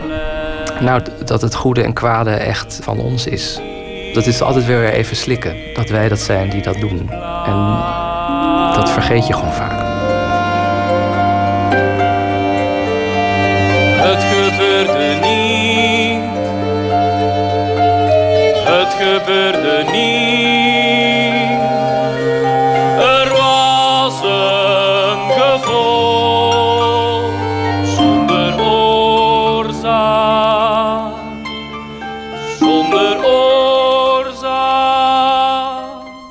Eichmann, een opera over de vrije wil van Bo Tarenskeen en componist Alejandra Castro Espejo, gaat uiteindelijk meer over de vrije wil dan over Adolf Eichmann zelf. Eichmann komt er zelfs niet eens letterlijk in voor. We stelden ons de vraag: wat betekent het om vandaag de dag het over Eichmann te hebben? Um, omdat de goed-fout-vraag, die is niet meer echt van deze tijd, merkten we. Dat is meer iets van de vorige generatie. Hoezo is dat dan niet meer van deze tijd? Nou, ik merk dat, dat onze generatie met betrekking tot de Tweede Wereldoorlog niet bezig is met wie was er goed of fout of wat was er grijs of zo. Maar meer van hoe kon het gebeuren en, en, en natuurlijk hoe werkt het emotioneel nog door. Maar vooral hoe kon dat gebeuren. Dus eigenlijk een amorele benadering. En dachten, nou, wat betekent het dus dan om het nu over Eichmann te hebben? Toen dachten, nou, dat, dat zet nu de vraag naar de vrije wil op scherp. De vraag naar wat verantwoordelijkheid is, wat, wat, wat meelopen is, wat systemen zijn. Ehm, hoe dat kon gebeuren en hoe op, zoiets opnieuw zou kunnen gebeuren. Je beeldt een personage uit, dus dan moet je toch uh, een stelling innemen jegens iemand. En als je dat niet doet, dan kun je het onderwerp van ook een, een afstand benaderen. En ik had persoonlijk ook niet de behoefte om daar muziek bij te schrijven. Ik vond het interessant om het onderwerp zo te houden dat je juist het van verschillende kanten kan belichten en dat je kijkt van wat heeft het betekend. Het geeft meer vrijheid als het niet zo letterlijk over een persoon gaat. Ja, ik denk het wel. Ja, zeker. In plaats van Eichmann vertellen zeven personages het verhaal. Archetypes zijn het eigenlijk, zoals de verlichtingsfilosoof, de recidivist, de hippie en de Calvinist. Ze vertellen ons dat het onze hersenen zijn of de moleculen waaruit we opgebouwd zijn, de anderen of God, die beslissen over ons handelen. Alles behalve ons eigen ik is verantwoordelijk. Er was alleen maar voor personages komen alle uit een andere denkrichting tot precies dezelfde conclusie. De vrije wil bestaat niet. Schuld en schuld. eigenlijk is elk personage heel erg fatalistisch. Ja, dus de verlichtingsfilosoof die, die citeert Dick Swaap Victor Lamme en zegt dat wij ons brein zijn en uh, dat onze hersens denken en wij niet. Of onze hersens eerder denken dan wij. De recidivist die zegt, ja, we vallen allemaal voortdurend in herhalingen. De Calvinist die zegt, je volgt. Dat, dat is wat je doet als mens. Dat, dat is niet anders, et cetera.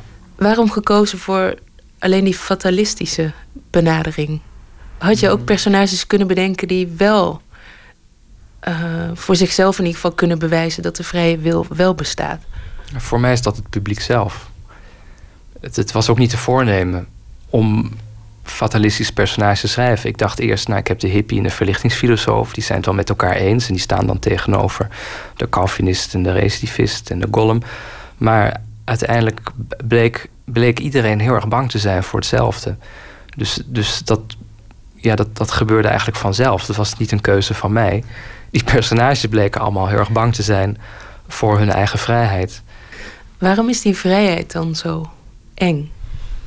Vrijheid is ook het verlies van controle, of de afwezigheid van controle. Daarom vinden we het heel erg eng.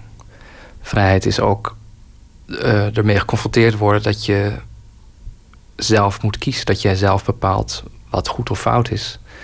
En uh, dat geeft ook een hele grote verantwoordelijkheid. Maar het is vooral dat, je, dat, je geen, dat er geen controle is. Dat je het zelf moet zien te grijpen, het leven. Dan hoef je dus ook geen verantwoordelijkheid te nemen over je daden uh, en je keuzes. Want die worden dan, hoe dan ook, voor jou gemaakt. Ik vond dat een ontzettend deprimerende gedachte. Of is dat juist een geruststellende gedachte? ik kan me allebei voorstellen. Ik kan me voorstellen dat het heel, heel kalmerend is om je erbij neer te leggen. Dat er alleen maar moleculen en atomen zijn. Maar ik, ik, ik kan me niet voorstellen om zelf zo te denken. Ik, ik denk, wat voor ons primair is, is de neiging om dingen betekenis te geven. Als ik mijn dochter zie opgroeien, die is nu anderhalf jaar. Alles heeft betekenis voor haar, nu al alles roept een reactie op en, en daagt uit en heeft waarde en vraagt om waardering. Dus jij vindt het ook een deprimerende gedachte? Uh, eigenlijk, ik, ik weet het niet, want ik, ik kan hem niet denken. Ik, ik, het lukt mij niet om zo te denken.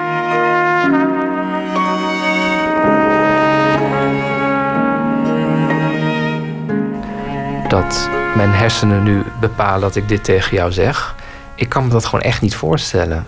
En ik denk ook dat, dat mensen als Dick Swaap en Victor Lamme... dat dat voornamelijk, voornamelijk uit commerciële overwegingen zeggen... dat ze dat zelf ook helemaal niet geloven. Ja, dus als jij in, in hun boeken leest dat jouw hersenen 0,09 seconden, dat is ook heel precies gedefinieerd, mhm. al een keuze maken voordat jij zelf denkt dat je die keuze gemaakt hebt. Als je dat leest, dan dan word je daar eigenlijk opstandig van. Dat je je hersenen iets beslissen voordat je het zelf beslist. Dus precies hetzelfde als zeggen dat je benen lopen, dat je vingers piano spelen, dat je ogen kijken, dat je mond praat. Dat is ook absurd, dat zeggen we ook niet. Terwijl het komt precies op hetzelfde neer. En toch beweren die uh, neurowetenschappers beweren dat zonder met hun ogen te knipperen, dat onze hersens beslissen, verantwoordelijk zijn. Dat kun je maar niet zeggen. Mensen zijn verantwoordelijk. Mensen beslissen, niet de hersenen. Ja, dus Eichmann is ook verantwoordelijk. Ja, totaal. Absoluut.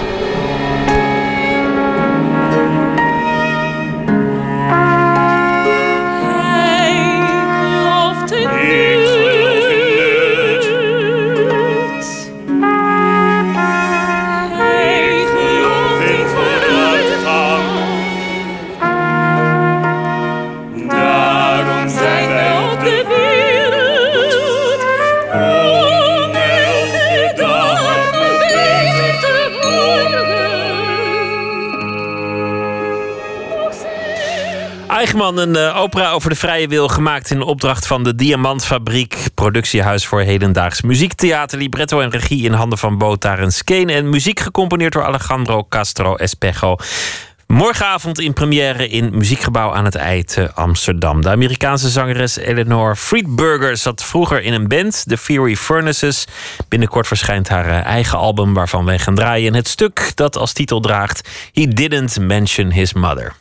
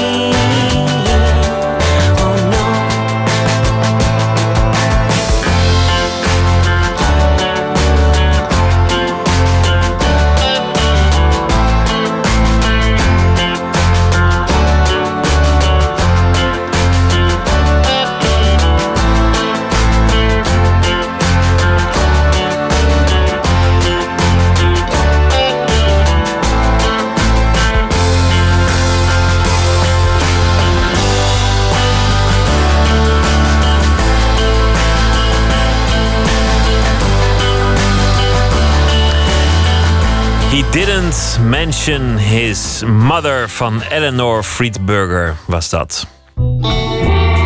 Nooit meer slapen. Een bijzonder kunstwerk werd vandaag eh, ingehuldigd. Het eh, Volksparlement midden in Koerdisch Syrië, ontworpen door een Rotterdamse kunstenaar, Jonas Staal. Midden tussen de strijdende partijen in het Midden-Oosten, in het noorden van Irak, probeert hij een eh, bijzonder gebouw op te richten dat bedoeld is voor vreedzaam parlementair overleg, het Volksparlement. Botte Jellema is nachtcorrespondent. Hij weet er inmiddels alles van. Botte, wie zijn er allemaal eigenlijk aan het vechten in dat gebied? Ja, nou ja, de, de, bekende verhalen eigenlijk. Maar dit specifieke gebied hebben we het over het noorden van Syrië bij de grens met Turkije. Dat is zo'n 50 kilometer boven Aleppo, waar we in de afgelopen jaren zoveel over hebben gehoord. Dus oh ja, ik zei het noorden geval... van Irak, maar het noorden van Syrië was het. Uh, ja, sorry. En dan heb, heb je het in ieder geval dus over voormalig IS-gebied. Dan heb je het over opstandelingen, waarvan er ook wat lokale varianten uh, verstaan, uh, bestaan. dan heb je op de achtergrond het leger van het Syrische regime. En het is het gebied dat door de Koerden wordt bevolkt. En uh, zo worden ze dus ook nog door het noordelijke gelegen Turkije beschouwd als terroristen. Daar staat nu dat parlementsgebouw. Ik heb één foto gezien. Het is een, een, een bijzonder gebouw, een soort kunstwerk. Ja. Omschrijf het even. Nou ja, het doet een beetje denken aan een muziekkoepeltje eigenlijk. Wat je van uh, wel eens op uh, dorpspleinen en parken uh, ziet staan. Maar dan groter. Je kan er wel een, een vrachtwagen in kwijt. Het is rond, met op de vloer dus rond. En dan omhoog ook rond, met bogen die als spanten omhoog staan. Een soort agora-vorm, voor wie dat iets zegt. Daaroverheen zijn doeken gespannen met fragmenten van vlaggen van allemaal organisaties uit die regio. Die hier aan meedoen aan het volksparlement. En de bedoeling is dat daar omheen ook nog nog een park wordt uh, aangelegd. Nou, ik heb vanmiddag even gebeld met Jonas Staal, de bedenker. Hij zit daar nu. Uh, de afgelopen drie maanden heeft hij daar al gezeten. In wat hij noemt de autonome regio Rojava. Rojava, moet ik zeggen. En um, hij vertelt hoe het is begonnen. Nou, ik werk met de New World Summit, dus die organisatie die ik heb uh, opgericht, werken we heel lang samen met verschillende bevrijdingsbewegingen, verschillende stateloze bewegingen van over de hele wereld, die vechten of in strijden voor hun eigen autonome staat of voor hun eigen autonome regio. En wij ontwikkelen samen met architecten, vormgevers, andere kunstenaars, een soort van tijdelijke parlementen in theaters en kunstruimtes, waar we die mensen proberen samen te brengen. Nou, de Koerdische beweging die is daar altijd heel erg bij betrokken geweest. En die vroegen Jonas of hij dus, eh, die, die tijdelijke projecten die hij dus deed... of hij daar ook een permanent project van zou willen maken. Een permanent parlementsgebouw. Nou, en op die uh, uitnodiging is Jonas Staal ingegaan. Uh, via een corridor die hij voor elkaar heeft gekregen... is het mogelijk om deze autonome regio te bereiken. Moeilijk genoeg, daar straks meer over. Want het ligt echt werkelijk midden in oorlogsgebied. En dat merkt Jonas wel heel vaak zijn materialen niet beschikbaar of die lopen vast aan de frontlinie of die zijn nodig aan de frontlinie. Dus we zitten hier inmiddels al drie maanden om dit te bouwen. Dat is ook veel langer dan dat we eigenlijk hadden verwacht. Maar dat was ook nodig om, ja, je gaat ook geen aanspraak doen op materieel wat nodig is in een strijd voor een samenleving waar je probeert een bijdrage aan te leveren. Dus we hebben ons aangepast aan, nou ja, aan ook de tragiek die ook hier speelt en uh, dagelijks voelbaar is. En tegelijkertijd geprobeerd met de middelen die we hadden om mee te helpen iets, uh, iets op te bouwen. Ja, hij was bijvoorbeeld tijdens de bouw ineens een hijskraan kwijt of een bulldozer. En die waren dan ineens nodig aan het front en dan verdwijnen ze gewoon. Minstens zo interessant is hoe ze er überhaupt toe zijn gekomen om dit op te zetten. Jonas' organisatie heeft met heel veel instituten daar overleg gepleegd. Het parlement is natuurlijk een soort hele grote sculptuur. Dus het heeft een politieke functie. Het wordt, zal worden gebruikt voor dagelijkse bijeenkomsten, voor publieke manifestaties en demonstraties en internationale congressen en alles wat met politieke representatie te maken heeft. Maar het is ook wel echt een sculptuur, een symbool en een, een, plek die um, nou ja, vanuit de politieke idealen van deze, van deze regio, van deze revolutie, een nieuwe beeldtaal probeert te creëren. En niet alleen maar door mij. We hebben heel nauw samengewerkt met het zelfbestuur hier en met kunstenaars uit deze regio om ook samen na te denken over wat dan de vorm van het parlement zou moeten worden. Dus ik zie het als een, als een uh, samenkomst, een hele intieme samenkomst van kunst en politiek. Van politieke verbeelding, hoe een nieuwe samenleving eruit ziet. En artistieke verbeelding over hoe je die nieuwe samenleving dan vorm kan geven. Die hebben elkaar denk ik ook, die hebben elkaar ook nodig. De bedoeling is om een vorm van democratie te ontwikkelen die de staat niet meer nodig zou hebben, zo zegt hij het. Uh, en het gaat hier over uh, nou ja, een regio met eigenlijk moderne ideeën, voor de regio in ieder geval uh, moderne ideeën, zoals uh, seksgelijkheid voor mannen en vrouwen, uh, secularisering, uh, maar natuurlijk ook over de onafhankelijkheid, de Koerdische onafhankelijkheid. En dat lukt daar, dat laatste met name, lukt daar aldoor maar niet in een staatsvorm. Dus komen ze tot een nieuwe vormgeving van zelfbeschikkingsrecht, zo zegt Jonas het. Um, nou ja, en in dat opzicht is het politiek gezien een revolutionair idee, een volksparlement. Nou kan democratie volgens mij alleen maar werken als er, als er vrede is. Want anders dan, dan gebruiken mensen toch alleen maar om, om anderen te onderdrukken en hun eigen wil er door, doorheen te duwen. Het moet eerst rustig zijn. Nu is het een oorlogsgebied. Is dat eigenlijk wel de meest verstandige plek om het, om het neer te zetten? En ook het gebouw, het kunstwerk, staat daar ook kwetsbaar. Zeker. Eh, de Volkskrant die schreef vandaag hierover van... ja, eh, Jonas is het democratische ijzer aan het smeden als het heet is. Maar om heel eerlijk te zijn vond ik dat vrij optimistisch gedacht. Want dit is wel heel erg heet. En om dat even een beetje precies een beeld te krijgen... heb ik gebeld met Midden-Oosten-correspondent Sander van Hoorn van de NOS... die mij meer kon vertellen over dit Koerdische gebied... waar dit kunstwerk nu staat. Hij zei meteen dat als je het over het Midden-Oosten-conflict uh, wil hebben... en je wilt het echt ingewikkeld maken... dan moet je over de Koerden beginnen nou, de, de grap over de Koerden, uh, onder de Koerden zelf, die gaat al. Als je niks snapt van het Midden-Oosten, uh, betrek dan de Koerden, de, dan begrijp je het helemaal niet meer. het probleem dat dit gebouwd is, is uh, in Noord-Syrië, dit parlement. dat is Koerdisch gebied met Koerden gelieerd aan de PKK. maar dat is weer water en vuur met de Koerden die in Noord-Irak leven. Hè? Dus wat dat betreft de ene Koerdische regio is de andere Koerdische regio niet. En dat zelfbestuur, dat hele idee uh, van zelfbestuur en gelijkheid tussen mannen en vrouwen, ja, dat vind je in Noord-Irak helemaal niet terug. Daar, daarvoor moet je dus inderdaad echt in Noord-Syrië en Zuid-Turkije zijn. Dus wat dat betreft, de Koerden bestaat niet. En een deel van de Koerden krijgt dus nu van staal een nieuw parlement. Sander zegt dat het echt een enclave is in vijandig gebied op alle denkbare manieren. Aan de ene kant hebben ze IS, aan de andere kant rebellengroepen en daar ook weer IS of de Syrische regering achter. En een derde grens is die met Turkije. En van deze Noord-Syrische Koerden willen de Turken dus echt helemaal niets weten. Daarom vroeg ik hem, is dit in zijn ogen nou een hoopgevend democratisch project of eigenlijk een onwaarschijnlijk kunstzinnige dwaling? Een beetje van beide. Het, past heel erg bij uh, wat ik van uh, de Koerden heb meegekregen van, van de PKK. Uh, ik, ik, heb op een gegeven moment een, een, hele bizarre discussie gehad in de bergen van Noord-Irak, waar ze gebombardeerd werden door de Turken. En, en daar inderdaad zo'n gesprek over meer de zoektocht naar de ideale manier van besturen, de zoektocht naar de ideale manier van samenleven, de zoektocht naar de ideale manier van partnerschap tussen mannen en vrouwen. En zij beschrijven het zelf heel duidelijk als een zoektocht, aangevoerd in hun geval door uh, Abdullah Öcalan. Uh, maar dat is dus bij definitie niet iets wat je van bovenaf door een staat kunt opleggen. Dus het moet wel op deze manier. En het heeft zelfs eigenlijk wel wat dat het dan gebeurt op de meest onwaarschijnlijke plek op aarde.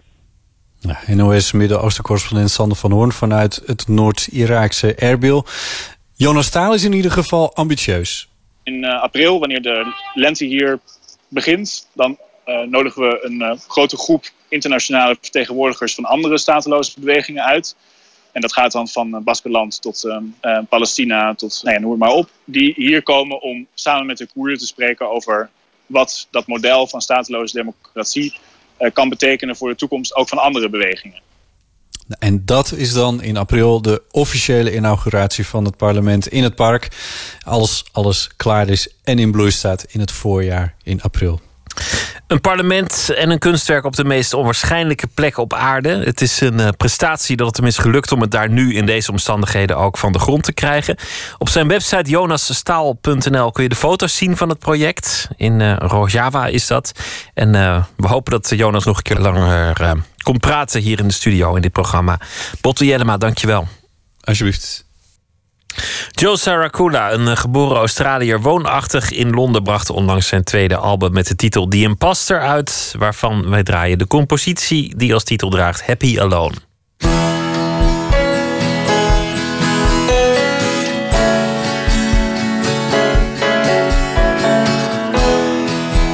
All the empty kids are waiting to be filled up And the curry houses shouting, Come in, we have a table.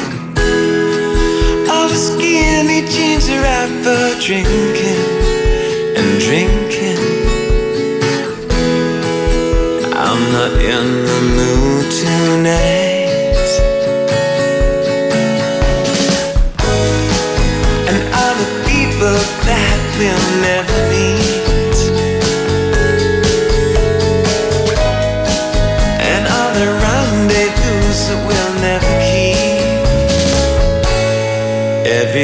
happy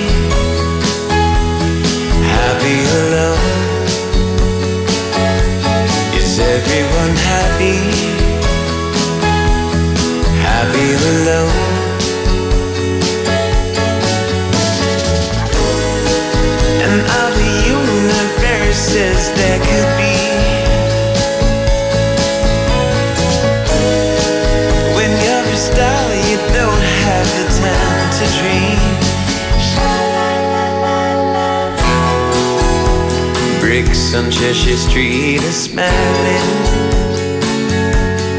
like a cat. It sounds just like mad party without a hat. I don't wanna feel like I'm getting smaller, and smaller. I wanna stay the same forever.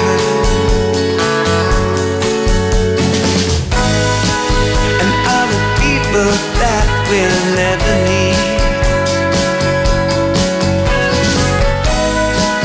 And all we'll never keep. Everyone's happy,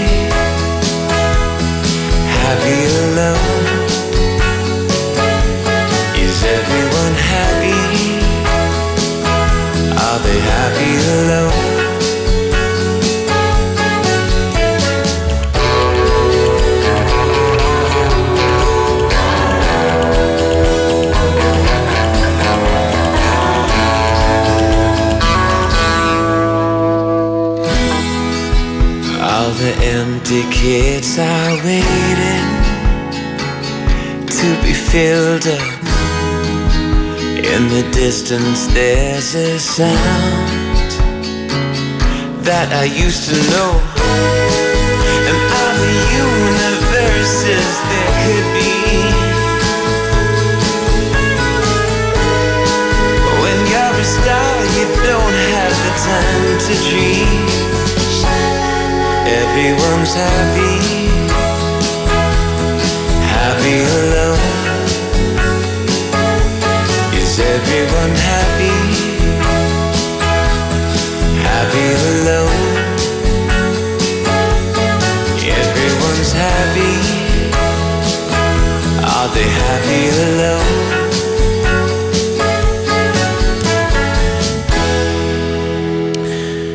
Joel Saracula met Happy Alone. Nooit meer slapen. De Duitse schrijver Hans Fallada heeft zich eh, een bewogen leven lang vastgehouden aan de literatuur. De schrijver van wereldwijde bestsellers als Wat nu, Kleine Man en Alleen in Berlijn heeft zich met de pen door zelfmoord, oorlog en verslavingen heen weten te worstelen. Vertaalster Anne Volkertsma heeft nu een biografie geschreven. Alles in mijn leven komt terecht in een boek. Maarten eh, Westerveen, onze verslaggever, zocht Volkertsma op in haar werkplaats.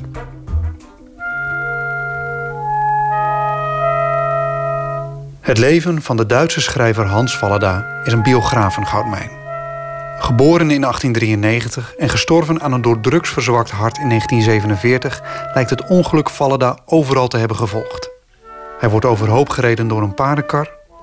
Hij doodt zijn beste vriend in een mislukt zelfmoordpact... belandt in gestichten en gevangenissen... kampt een leven lang met verslavingen... en worstelt bovendien met de nazi's die hem voor een kar willen spannen. Dankbaar materiaal voor schrijfster en vertaalster Anne Volkertsma. Zij schreef de Vallada-biografie Alles in mijn leven komt terecht in een boek. We lopen samen de trap op naar haar werkkamer. En hier zijn alle Vallada's.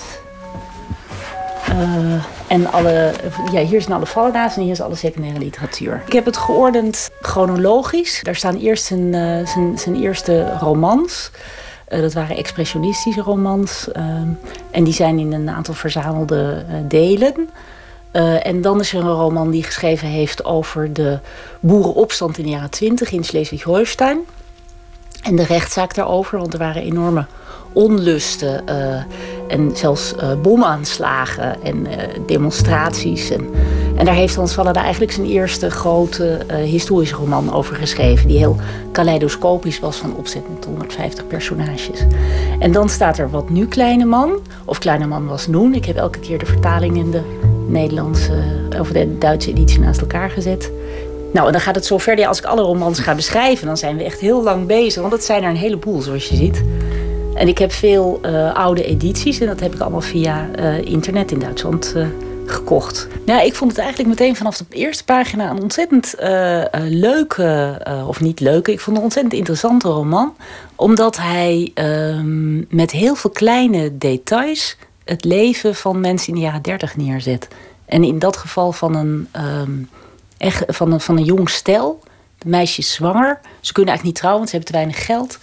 En eh, ze gaan naar de dokter en merken, vinden daaruit dat zij zwanger is. En zijn voor een enorm dilemma geplaatst. En vanaf dat moment begint hun leven samen. En ehm, ik vond meteen al de beschrijving op de eerste pagina van hoe er blouseje zit en hoe hij staat te wachten op de, op de hoek, vond ik al heel erg leuk. Een cruciale filmische scène speelt zich af in een park in Wat Nu Kleine Man. Nadat eh, hoofdpersoon Pinnenberg, de kleine man, eh, gesolliciteerd heeft bij een kledingzaak. En iemand heeft hem aan het sollicitatiegesprek eh, geholpen. Het is eigenlijk maar een armzalig plantsoentje. Maar op deze 1 oktober, nu het weer zo half nat en half droog is, er zoveel wolken zijn en toch ook zon en veel wind en al die lelijke bruin-gele bladeren, nu is het hier best troosteloos. Leeg is het hier niet. Overal lopen mensen met grauwe kleren en bleke gezichten, werklozen die wachten. Waarop weten ze zelf langzamerhand niet meer, want wie wacht er nog op werk? Het verhaal wat ik heb willen vertellen is, is het verhaal van een schrijver in tijden van, van repressie. Ik ben heel erg gefascineerd geraakt door uh, Fallada. Door, door uh, mijn werk aan hem. Dat, dat komt eigenlijk het meest door het boek In mijn vreemde land. Wat mijn eerste vertaling is geweest uh, uit het werk van Fallada. Omdat ik de innerlijke strijd die daaruit blijkt heel aangrijpend vond. En ook heel indringend. En ik ben eigenlijk meteen toen ik dat boek ging vertalen, ben ik afgereisd naar Karwitz op een gegeven moment. Eh, naar, zijn, uh, naar het Vallada Museum, waar het grote archief zit. Uh, met al zijn werken en, en geschriften. En ik had heel veel vragen. En toen ik daar sprak met de archivaris, toen zei ze van... je bent de eerste vertaler die hier komt. Er komen hier nooit vertalers. Er komen allemaal uh, onderzoekers en uh, studenten die hun scriptie willen schrijven. Maar dat is heel, heel bijzonder dat jij hier bent. En ik zei, ja, maar je kunt toch zo'n boek met zo'n cultuurhistorische betekenis... kun je niet vertalen zonder dat je je helemaal in de achtergronden verdiept. Ik ben nogal een graver. Uh, en eigenlijk doordat ik me in dat, dat boek zo heb, heb vastgebeten... en ook echt het naadje van de kous wilde weten van de achtergronden ja, ben ik ook heel erg geïnteresseerd geraakt in de achtergronden van zijn werk. En dat is eigenlijk doordat ik het heel, heel uh, omdat ik het heel, heel mooi vind dat hij die periode belicht op een manier die heel goed aansluit bij de huidige kijk op geschiedenis.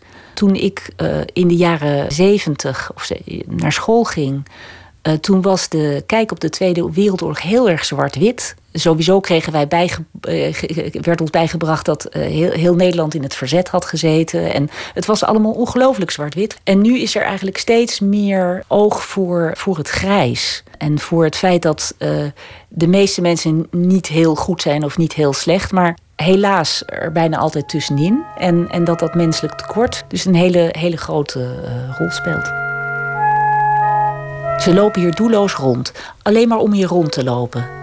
Thuis, in hun bedompte woningen, kunnen ze het ook niet meer uithouden en daarom gaan ze hier maar naartoe.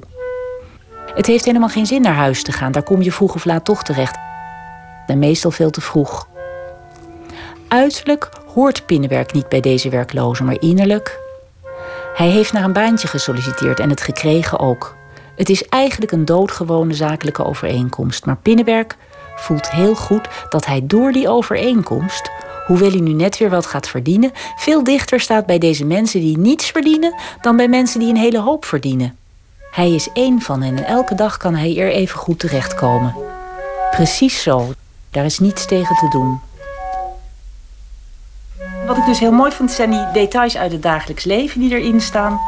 En, en ook uh, hoe, hoe hij je ontzettend bij zijn personages weet te betrekken. Je bent meteen heel erg uh, gegrepen door hun emoties. En ja, hij heeft in die roman, waarmee hij internationaal is, is uh, doorgebroken, eerst in Duitsland, daarna internationaal, heeft hij eigenlijk voor het eerst laten zien hoe de kleine man tot speelbal wordt van de wereldgeschiedenis. En in dit geval wordt de kleine man op een gegeven moment werkloos.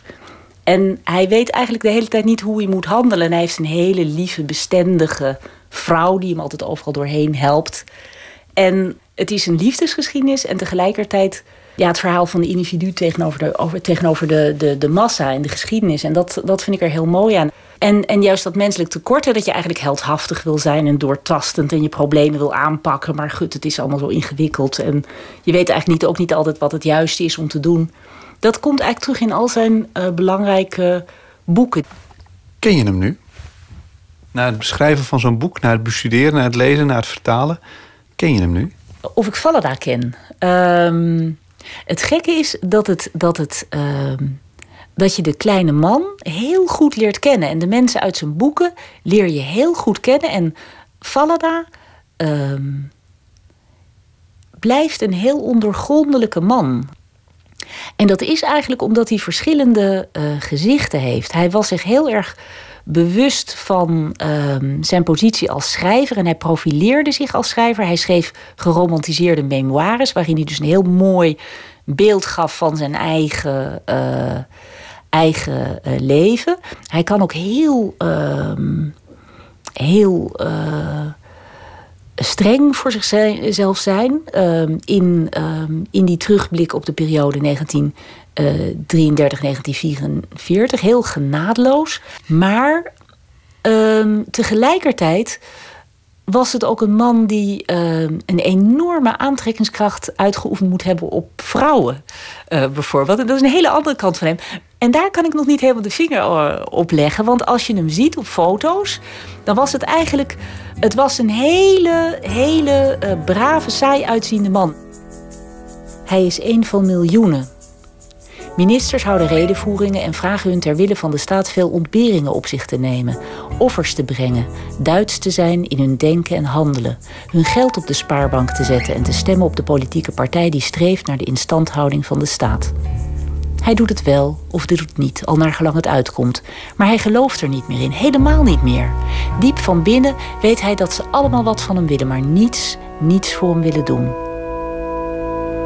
Is dat frustrerend voor jou als biograaf? Of is het juist lekker dat er een deel onkenbaar blijft aan die man? Ik denk dat het hoogmoedig zou zijn om te verwachten dat je iemand helemaal kunt uh, doorgronden. Wat ik heel graag wilde doen in mijn boek, is een, een, een beeld geven van zoveel mogelijk facetten uh, van zijn persoonlijkheid en van zijn uh, werk maar um, niet met de pretentie om over hem te oordelen. Um, hij was zelf een vertegenwoordiger van de nieuwe zakelijkheid. En dat is een literaire stroming die um, expres wilde tonen en niet wilde oordelen, zodat de lezer zichzelf een oordeel kon vormen. En dat um, kan ook heel goed bij zijn boeken. En ik wilde ook een, een biografie schrijven in die, in die trant, omdat Juist omdat er heel veel boeken over hem geschreven zijn waarin heel streng over hem geoordeeld wordt. Ik wilde zoveel mogelijk laten zien, want het was eigenlijk ook. Hij was ook toch uh, iemand die heel erg. Uh, ja, die een heel, heel gecompliceerde persoonlijkheid had en die heel, heel uh, gekwetst was ook door, door het leven. Heel moeilijk in elkaar zat. Hij was ook vaak psychiatrisch patiënt, hij was verslaafd. Maar ik wilde daar dus niet over oordelen. Dat vond ik heel erg belangrijk. En alle mensen die hier nu in de kleine tiergarten bij elkaar staan, een echte kleine dierentuin met ongevaarlijke, uitgehongerde, hopeloze dieren van het proletariaat, gaat het geen zier beter. Eigenlijk zijn deze mensen hier mijn lotgenoten, ook al hebben ze nu nog een hekel aan me. Vinden ze me nu nog een hele meneer, een witte boordenproleet, maar dat is gauw genoeg voorbij. Ik weet zelf heus wel wat dat meneer te betekenen heeft. Vandaag, alleen vandaag, verdien ik nog. Maar morgen ach, morgen moet ook ik gaan stempelen.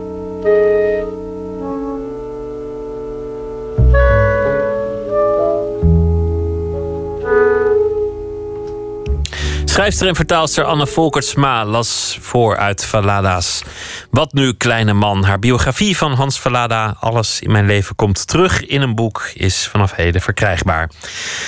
Tjeerd Bruinja die eh, debuteerde in 2003 als dichter met de bundel Dat het zo hoorde. Recentelijk verscheen alweer zijn vijfde bundel Binnenwereld, Buitenwijk, Natuurlijke Omstandigheden. Hij zal deze week elke nacht een van zijn favoriete gedichten voordragen. Dit keer is dat Hanna van Binsbergen aan de lezer.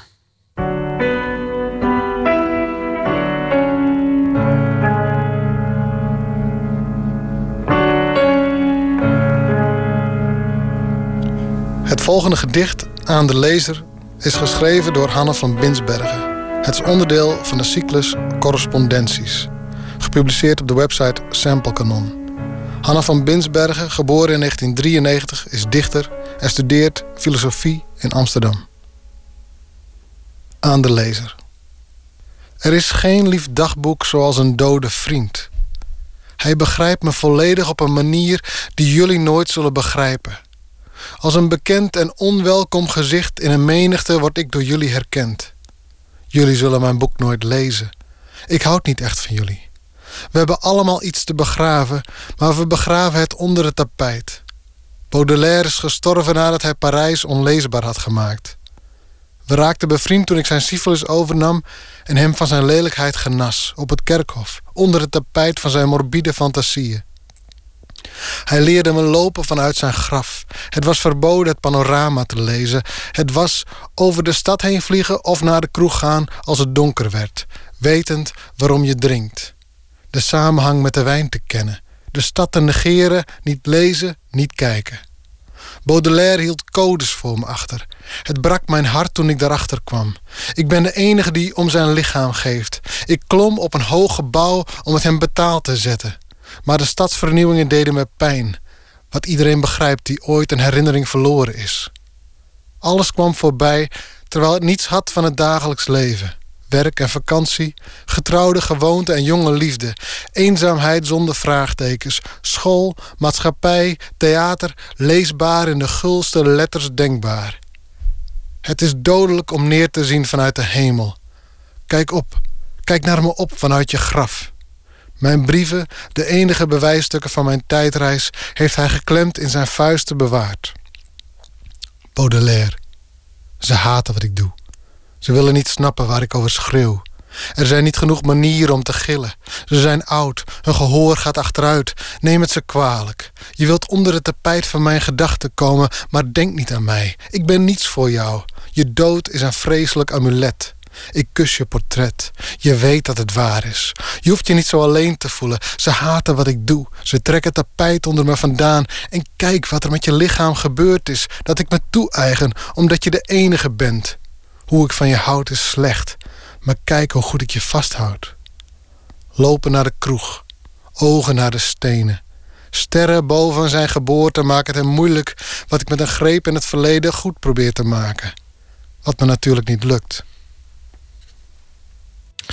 Aan de lezer, een gedicht van Hanna van Binsbergen, uitgekozen en voorgelezen door Tjert Bruinsma. Bruin, ja, sorry. En die eh, zal morgen weer een gedicht eh, uitkiezen en voordragen in Nooit meer slapen. Morgen ook op bezoek striptekenaar Peter de Wit. Zijn eh, beroemdste creatie Sigmund staat al 25 jaar zo'n beetje in de Volkskrant. En jaarlijks komt er ook een bundel van uit. Hij heeft heel wat albums op zijn naam staan. En morgen is hij een uur lang te gast in Nooit meer slapen. En nog heel veel andere onderwerpen dan ook.